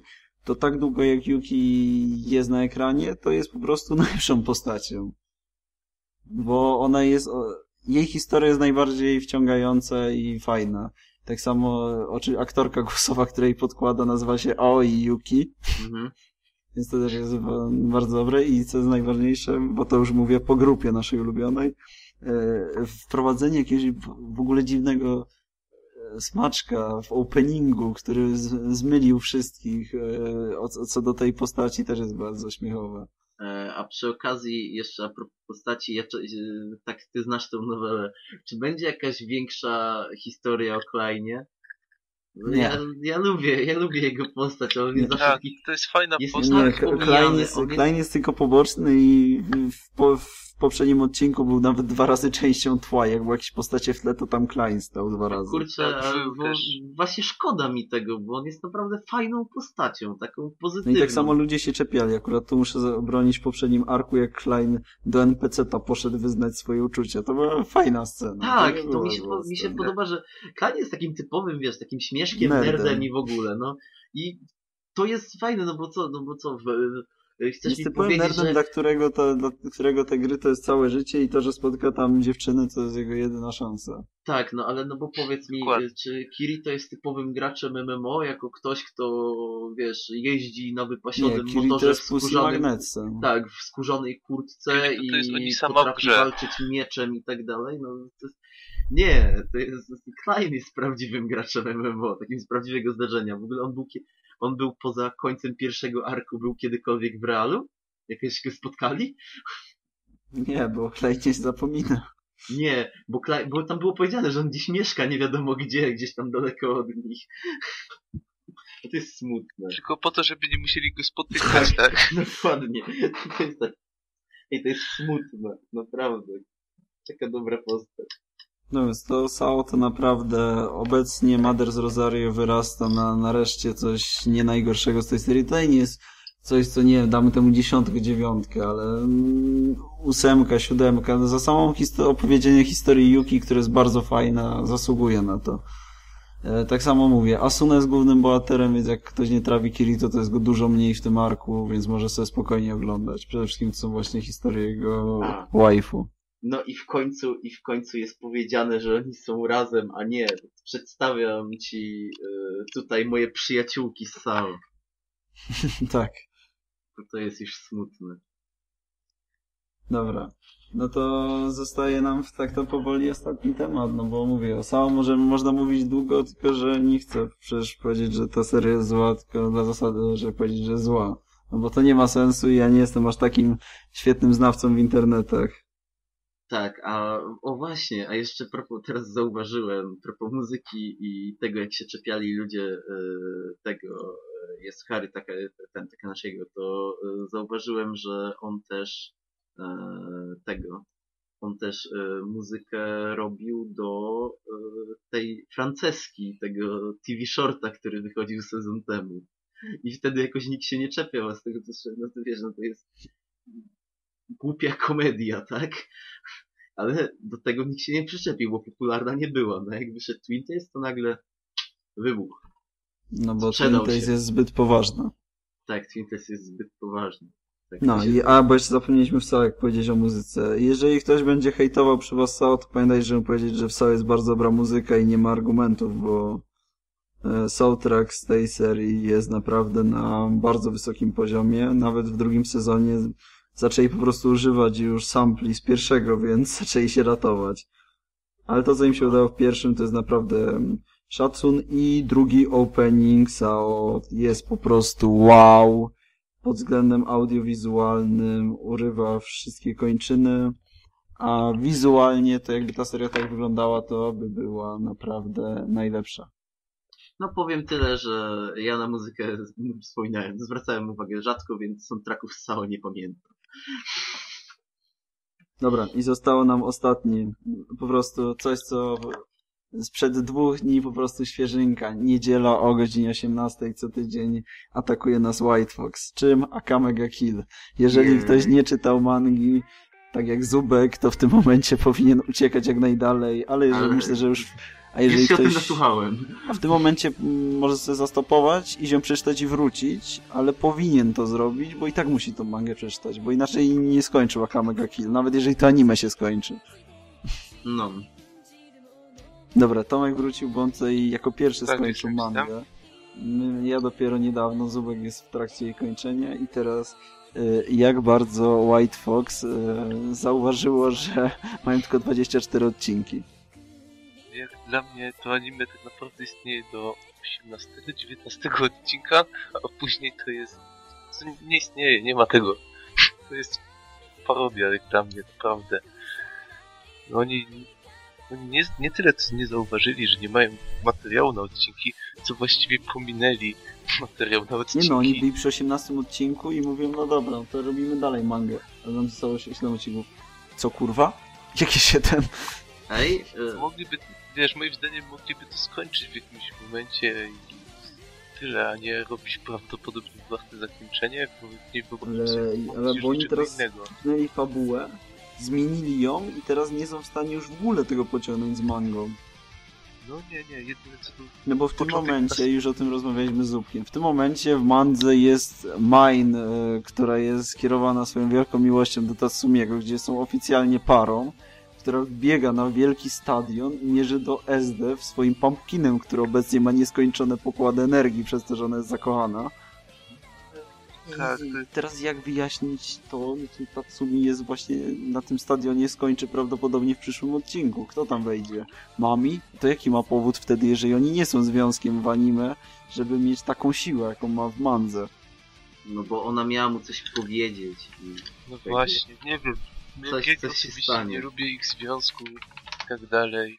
Tak, naprawdę żałuję, że ucięli te chaptery, bo to było dobre dla serii i nawet wyjaśniało ten bullshit moim zdaniem, który pojawił się. No nie przestajmy. W momencie, kiedy w chapterze strzelam 11, bo jedna z głównych postaci mówi, że SD jest na tyle potężna, że potrzebowaliby, nie wiem, całej armii, żeby ją pokonać, a, wysy- a pod koniec serii wysyłają jedną osobę na dwie najpotężniejsze pos- postacie w Imperium, Gdzie, tylko gdzie dlatego, że siła gdzie miłości... zestrzeliwuje e, jedną z nich strzałem. Tak. Oczywiście, o właśnie odnośnie generałów, to powiem tyle, że on na pewno nie zginął, bo w tej serii nikt nie, nie ginie na offscreenie. On jeszcze wstanie i dopiero za chwilę zginie. No, e, tak przy okazji, bo chciałem się zapytać, bo właśnie tak przeglądam sobie na malu i właśnie wyczytałem z mala, e, bo w ogóle według Anichartu e, jedynymi głównymi postaciami są Tatsumi i Akame, a cała reszta to są poboczne. No, no, Tak, to znaczy, Akame jest- Akame jest tak, Akame po, a? Akame jest tak główną postacią, Tak. że jest w nazwie Że- i w trzech scenach w serii. E, tak, a z kolei według mala głównymi postaciami są Akame, Tatsumi i Mine, a reszta to są poboczne, No tylko i bo wyłącznie. Mal jest aktualizowany cały czas i Mine w Mandze została główną postacią, odkąd Tak. są ze sobą parą. I tak się zastanawiam tylko, wiesz, czemu postacie, które jak na przykład e, Laba, który jest przez 20 odcinków jest napisane, że on jest postacią poboczną. Właśnie, porozmawiajmy o w ogóle śmierci Labby. O, Ja rozumiem, że oni chcieli skipować, ale dlaczego nie mogli zostawić tego, że on najzwyczajniej w świecie został porwany, jakbyś to wymyślić i zostawić tego wątku? Po co dodali jakąś walkę? Po co usunęli cały Wild Hunt? Dlaczego w ogóle wymyślili jakieś wciąganie do międzygalaktycznego portalu gościa, którego jedyną Spiral Power. Spiral Power gościa, którego jedyną mocą jest teleportowanie się. Nie pytaj mnie, naprawdę.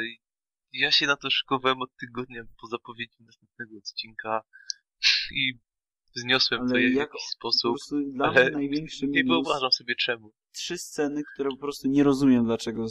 Ja, jak, Oni usunęli najlepsze sceny. No właśnie, usunęli najlepsze. Przecież Walkę mnie- z katedrze to była jedna z naj, najlepsza chyba walka w całej serii, może poza walką Justice. no nie no? Susano z SDF. No właśnie no. o tym mówię, że to, to są dwie walki, które są najlepsze w su- w sumie w serii. no, Susano tak samo- usunęli- Tak samo dwie najbardziej feelsy scen usunęli. Usunęli jak y, pieprzony clown zabija rodzinę Bolsa bez powodu na jego grobie. Ej, bo była mała dziewczynka, dobrze? To nie, to jest To był, to, to, jest, ogóle- to był mały ogóle jak- aniołek. Jak w ogóle jak ja usłyszałem o tym, że usunęli cały mały ark o ty, ten, w którym Wave jest, Wave Kun jest głównym bohaterem, to się załamałem. No i tak To samo przecież nie ma tej straszne. sceny jak umiera ten pan od fru, fruwania skrzydełków I zostaje, i i zostaje zawsze razem. a i wtedy Wave mówi, że pozwoliła mu odejść w spokoju. No przecież ta scena mogła tak dobrze być zanimowana. Po co? Jak możemy wymyśleć własną historię przez cztery odcinki? Tak. Wiesz, mów, A wiesz- mówimy o serii, A mówimy o serii, która jest zrobiona, która hype na tą serię wyglądał tak, że okej, robią dobrze na podstawie mangi, wszystko fajnie, a tu nagle znikąd, dosłownie znikąd, nikt nie wie co się dzieje, bo Ej, chyba, że, czekaj, bo manga, manga wychodzi teraz co tydzień na bieżąco, tak? Nie, E, nie, co co, miesiąc. miesiąc, A, masz co 40 miesiąc. Co miesiąc. No i żeby... 21 A może oni zaczęli robić to anim, zanim dotarli do tego ten, zanim dotarli do Nie, tych nie, bo to już... Co? Oni mogli to skończyć koło 45 odcinka. I wtedy by akurat wyszło 24 odcinki, skończyłby się ark i mogli to skończyć, jak Susano umiera. No i to byłby I dobry to byłby koniec, dobry bo- koniec, bo potem zaczyna się cała historia z tym, jak oni są parą, jak, y, i wa- jak potem jest porwany Luba, jak jest cały Wild Hunt, to można było zrobić w drugim sezonie za te 3 lata, jak wyjdzie. W owach chociażby. Mogliby, nie wiem, zrobić filery, jeżeli by im brakowało materiału. Ale nie brakowałoby im materiału, bo jak mówisz, że to wychodzi raz na miesiąc, to jak oni zaczęli emitować tą serię, to ile to miało? 45, tak? Czyli załóżmy, że Więcej nawet. No to 40, załóżmy, że jak zaczęli w ogóle, że jak zaczęli ją robić, to miała 40. No to, no, no, no to uznajmy, że do 40, no przecież te odcinki są robione praktycznie, może nie na bieżąco, ale oni mają ten odcinek miesiąc tak. wcześniej. No to No jaki tak. jest problem skończyć to w 43, jak bodajże się ark skończył? Właśnie poza tym mówimy, że, że może nie mieli tego materiału co ten. Ale oni teraz robią wydarzenia, które aktualnie wychodzą w mandze. To jest, to jest No dziwne. i, ale to jest najgorsze, bo to nie są takie wydarzenia, jak na przykład możesz sobie skipnąć w Naruto. Tutaj niektóre postacie nie żyją, inne mają moce, które z czegoś wynikają, inne mają inne motywacje. W tej serii cały czas się zmienia, tutaj nie ma czarno-białych postaci. Ja miałem nadzieję na Zawardo w wykonaniu Akame the Kill, ale jest, niestety nie było zatrzymania czasu, nie było Dio Brando. Słabo. Nie było Dio Brando. Nie, nie będziemy spoilować Dio Brando. No To nie, dopiero, tak. to dopiero w przyszłym sezonie. Czy nawet C2. Co mówisz o, mówisz o pięknym, pięknym jakże rzucaniu walcami? Tak, tak. Tak. Tak. Ale no to przyjemne. Nie no, mówimy, Akame to jest po prostu, tam tyle świetnych scen jest w mandze. Akurat po prostu, jak dla mnie Ark Wave'a i Wild Hunt to jest najlepszą częścią, jaka się tej serii przydarzyła. Tutaj Wild Hunt został zbity do pięciu chłopków, które stoją w, bez, beztwarzowo w płaszczach dookoła syna premiera, który dostaje magiczną moc przenoszenia przeciwników do magicznego portalu. Ale może Nie wiesz, tym, White że Hunt, Wild, White Rabak- Fox, to może mieć, wiesz, jakieś połączenie. Nie wiem, gdzieś do zeszłego tygodnia uważałem to studio za dobre studio. Czy to jest studio, Wszystko które z tego, z którą jedyna seria, z której ich kojarzę, to Jormungand. I Katanegateri też A, robił. to, to ich nie kojarzyłem z tego, ale dałem tej serii 10, jednej z czterech, jak im dałem, więc zasługują. A, a teraz wyjeżdżałem ci z czymś takim. Znaczy, ja, no, proszę ja nie was. ocenię tej serii, na przykład, no, jak to wiele osób mówi, że seria jest masakryczna. Ja ją ocenię jako anime pod koniec, które ma złą końcówkę, ale nie ocenię jej przez przyzwyczaj mangi, więc pewnie dostanie ode mnie 8, no bo to oceniam anime, a nie mangę, tak? Więc pewnie... Ja, nie, ja, ja to osobiście oceniam jako fan mangi, jako adaptacja i nie jestem w stanie tego lepiej ocenić. Oceniłem to na dwa. I szczególnie na 8 czy nawet 9, chociaż nie 8 już bardziej oceniam do 19 odcinka, a dalej to jest, to jest nic, to nie Nie, to jest wesoła twórczość White Foxa. Tak, jej. Tak, czyli mówisz, Mam nadzieję, że pojawi się wywiad z autorem, który stwierdzi, że on się nie podpisuje pod tym, co, się, co zrobili i tak dalej. e, Tomku, No to czyli, liczę. czyli rozumiem, że seria bardzo dobra, 2 na 10.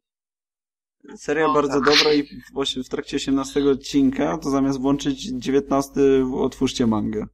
Dokładnie. Możecie obejrzeć do 18, by przeczytać mangę dalej, albo po prostu czytać I, mangę, czek- a- I ewentualnie czekasz, że za 3 lata wyjdzie drugi sezon, który, albo zacznie, który zacznie się e, razem z drugim arkiem w mandze. Albo e, No. po prostu dociągną to tak, jak dociągnęli i powstanie coś w stylu Brotherhooda Nie, nie albo powstanie nic w Blade Brotherhooda, Works bo- i zrobią właściwy tor fabularny. Nie powstaje nic. Nie, mam- Za- z- Swoją drogą manga też nie sprzedaje się chyba najlepiej w Japonii. a ja, tak no dalej. właśnie, a manga tak jest strasznie robią. popularna, bo przecież jaki hype był, jak zapowiedzieli Akame. Ona jest bardzo popularna, jest manga. Właśnie z tego co słyszałem, w samej Japonii nie jest. Ale e, poza W Japonią. internecie jest. Poza Japonią jest popularniejsza dużo niż w samej Japonii. A z- bądźmy szczerzy, no ile osób zamówi z, po japońsku komiksy i tak dalej. Chętnie bym to zrobił, no ale pieniądze. No i nie, jeszcze trzeba po japońsku umieć czytać. Le- Leżałoby na półce i bym się mógł cieszyć i oglądać A obrazki. niestety to jest seria, która nie jest 13 plus i Ale nie ja, ma do... ale ja zamówię Blu-ray Boxa No Game No Live na przekór wszystkim. ale Ja chcę to- drugi sezon. Aha, no tak, Dokładnie. w sumie trzeba... Trzeba Ja na przekór... Pewnie wyjdzie z 300 zł. Ja na przekór mam kupię to. E, Ale kiedy, a kiedy wyjdzie? Nie, Blu-ray już wyszedł, prawda? Nie, jeszcze nie wyszedł. Jak wyjdzie, to kupię. Jakby ja, jeśli, To- jeśli Nie, jak będę miał pieniądze, mówię, jak będziesz zamawiał, jak będę miał pieniądze, chyba zamówię z tobą. Wszyscy zamówimy, bo wszyscy Dobra. chcemy drugi sezon No Game bo No będzie szykowanie tańsze, tak? Tylko to w takim razie zamówiamy, zamawiamy y, naj, najpóźniej, ten, najwcześniej w lipcu, ponieważ ja chcę mieć, chcę być po wypłacie. Chcę być wypłacalny. tak. To tyle z mojej strony, jeśli chodzi o zamawianie No Game No Live. To jest podsumowanie. Myślę, że już takie powoli, bo dwie godziny, 40 minut pierwszego podcastu, gdzie tak naprawdę w tym składzie pierwszy raz ze sobą rozmawiamy. Tak, y, w ogóle właśnie chciałem powiedzieć, że poznałem Tomka jakieś 10 minut przed tym, jak zaczęliśmy. No, ja mniej więcej tak samo. No. No, to Poznaliśmy się w sumie nawzajem. tak właśnie, poznaliśmy się nawzajem, więc w sumie wiadomo. Więc mam nadzieję, że... Znaczy nie wiem, jak będą wyglądały następne podcasty, bo teraz mieliśmy ten sezon, ewentualnie na pewno powiemy w następnym jakichś pozycjach, powiedzmy, z tego roku, które warto obejrzeć i dlaczego. I Przeczytamy pewno... twoje episode expression. I na pewno będzie coś na temat newsów, bo jakieś powinny wyjść.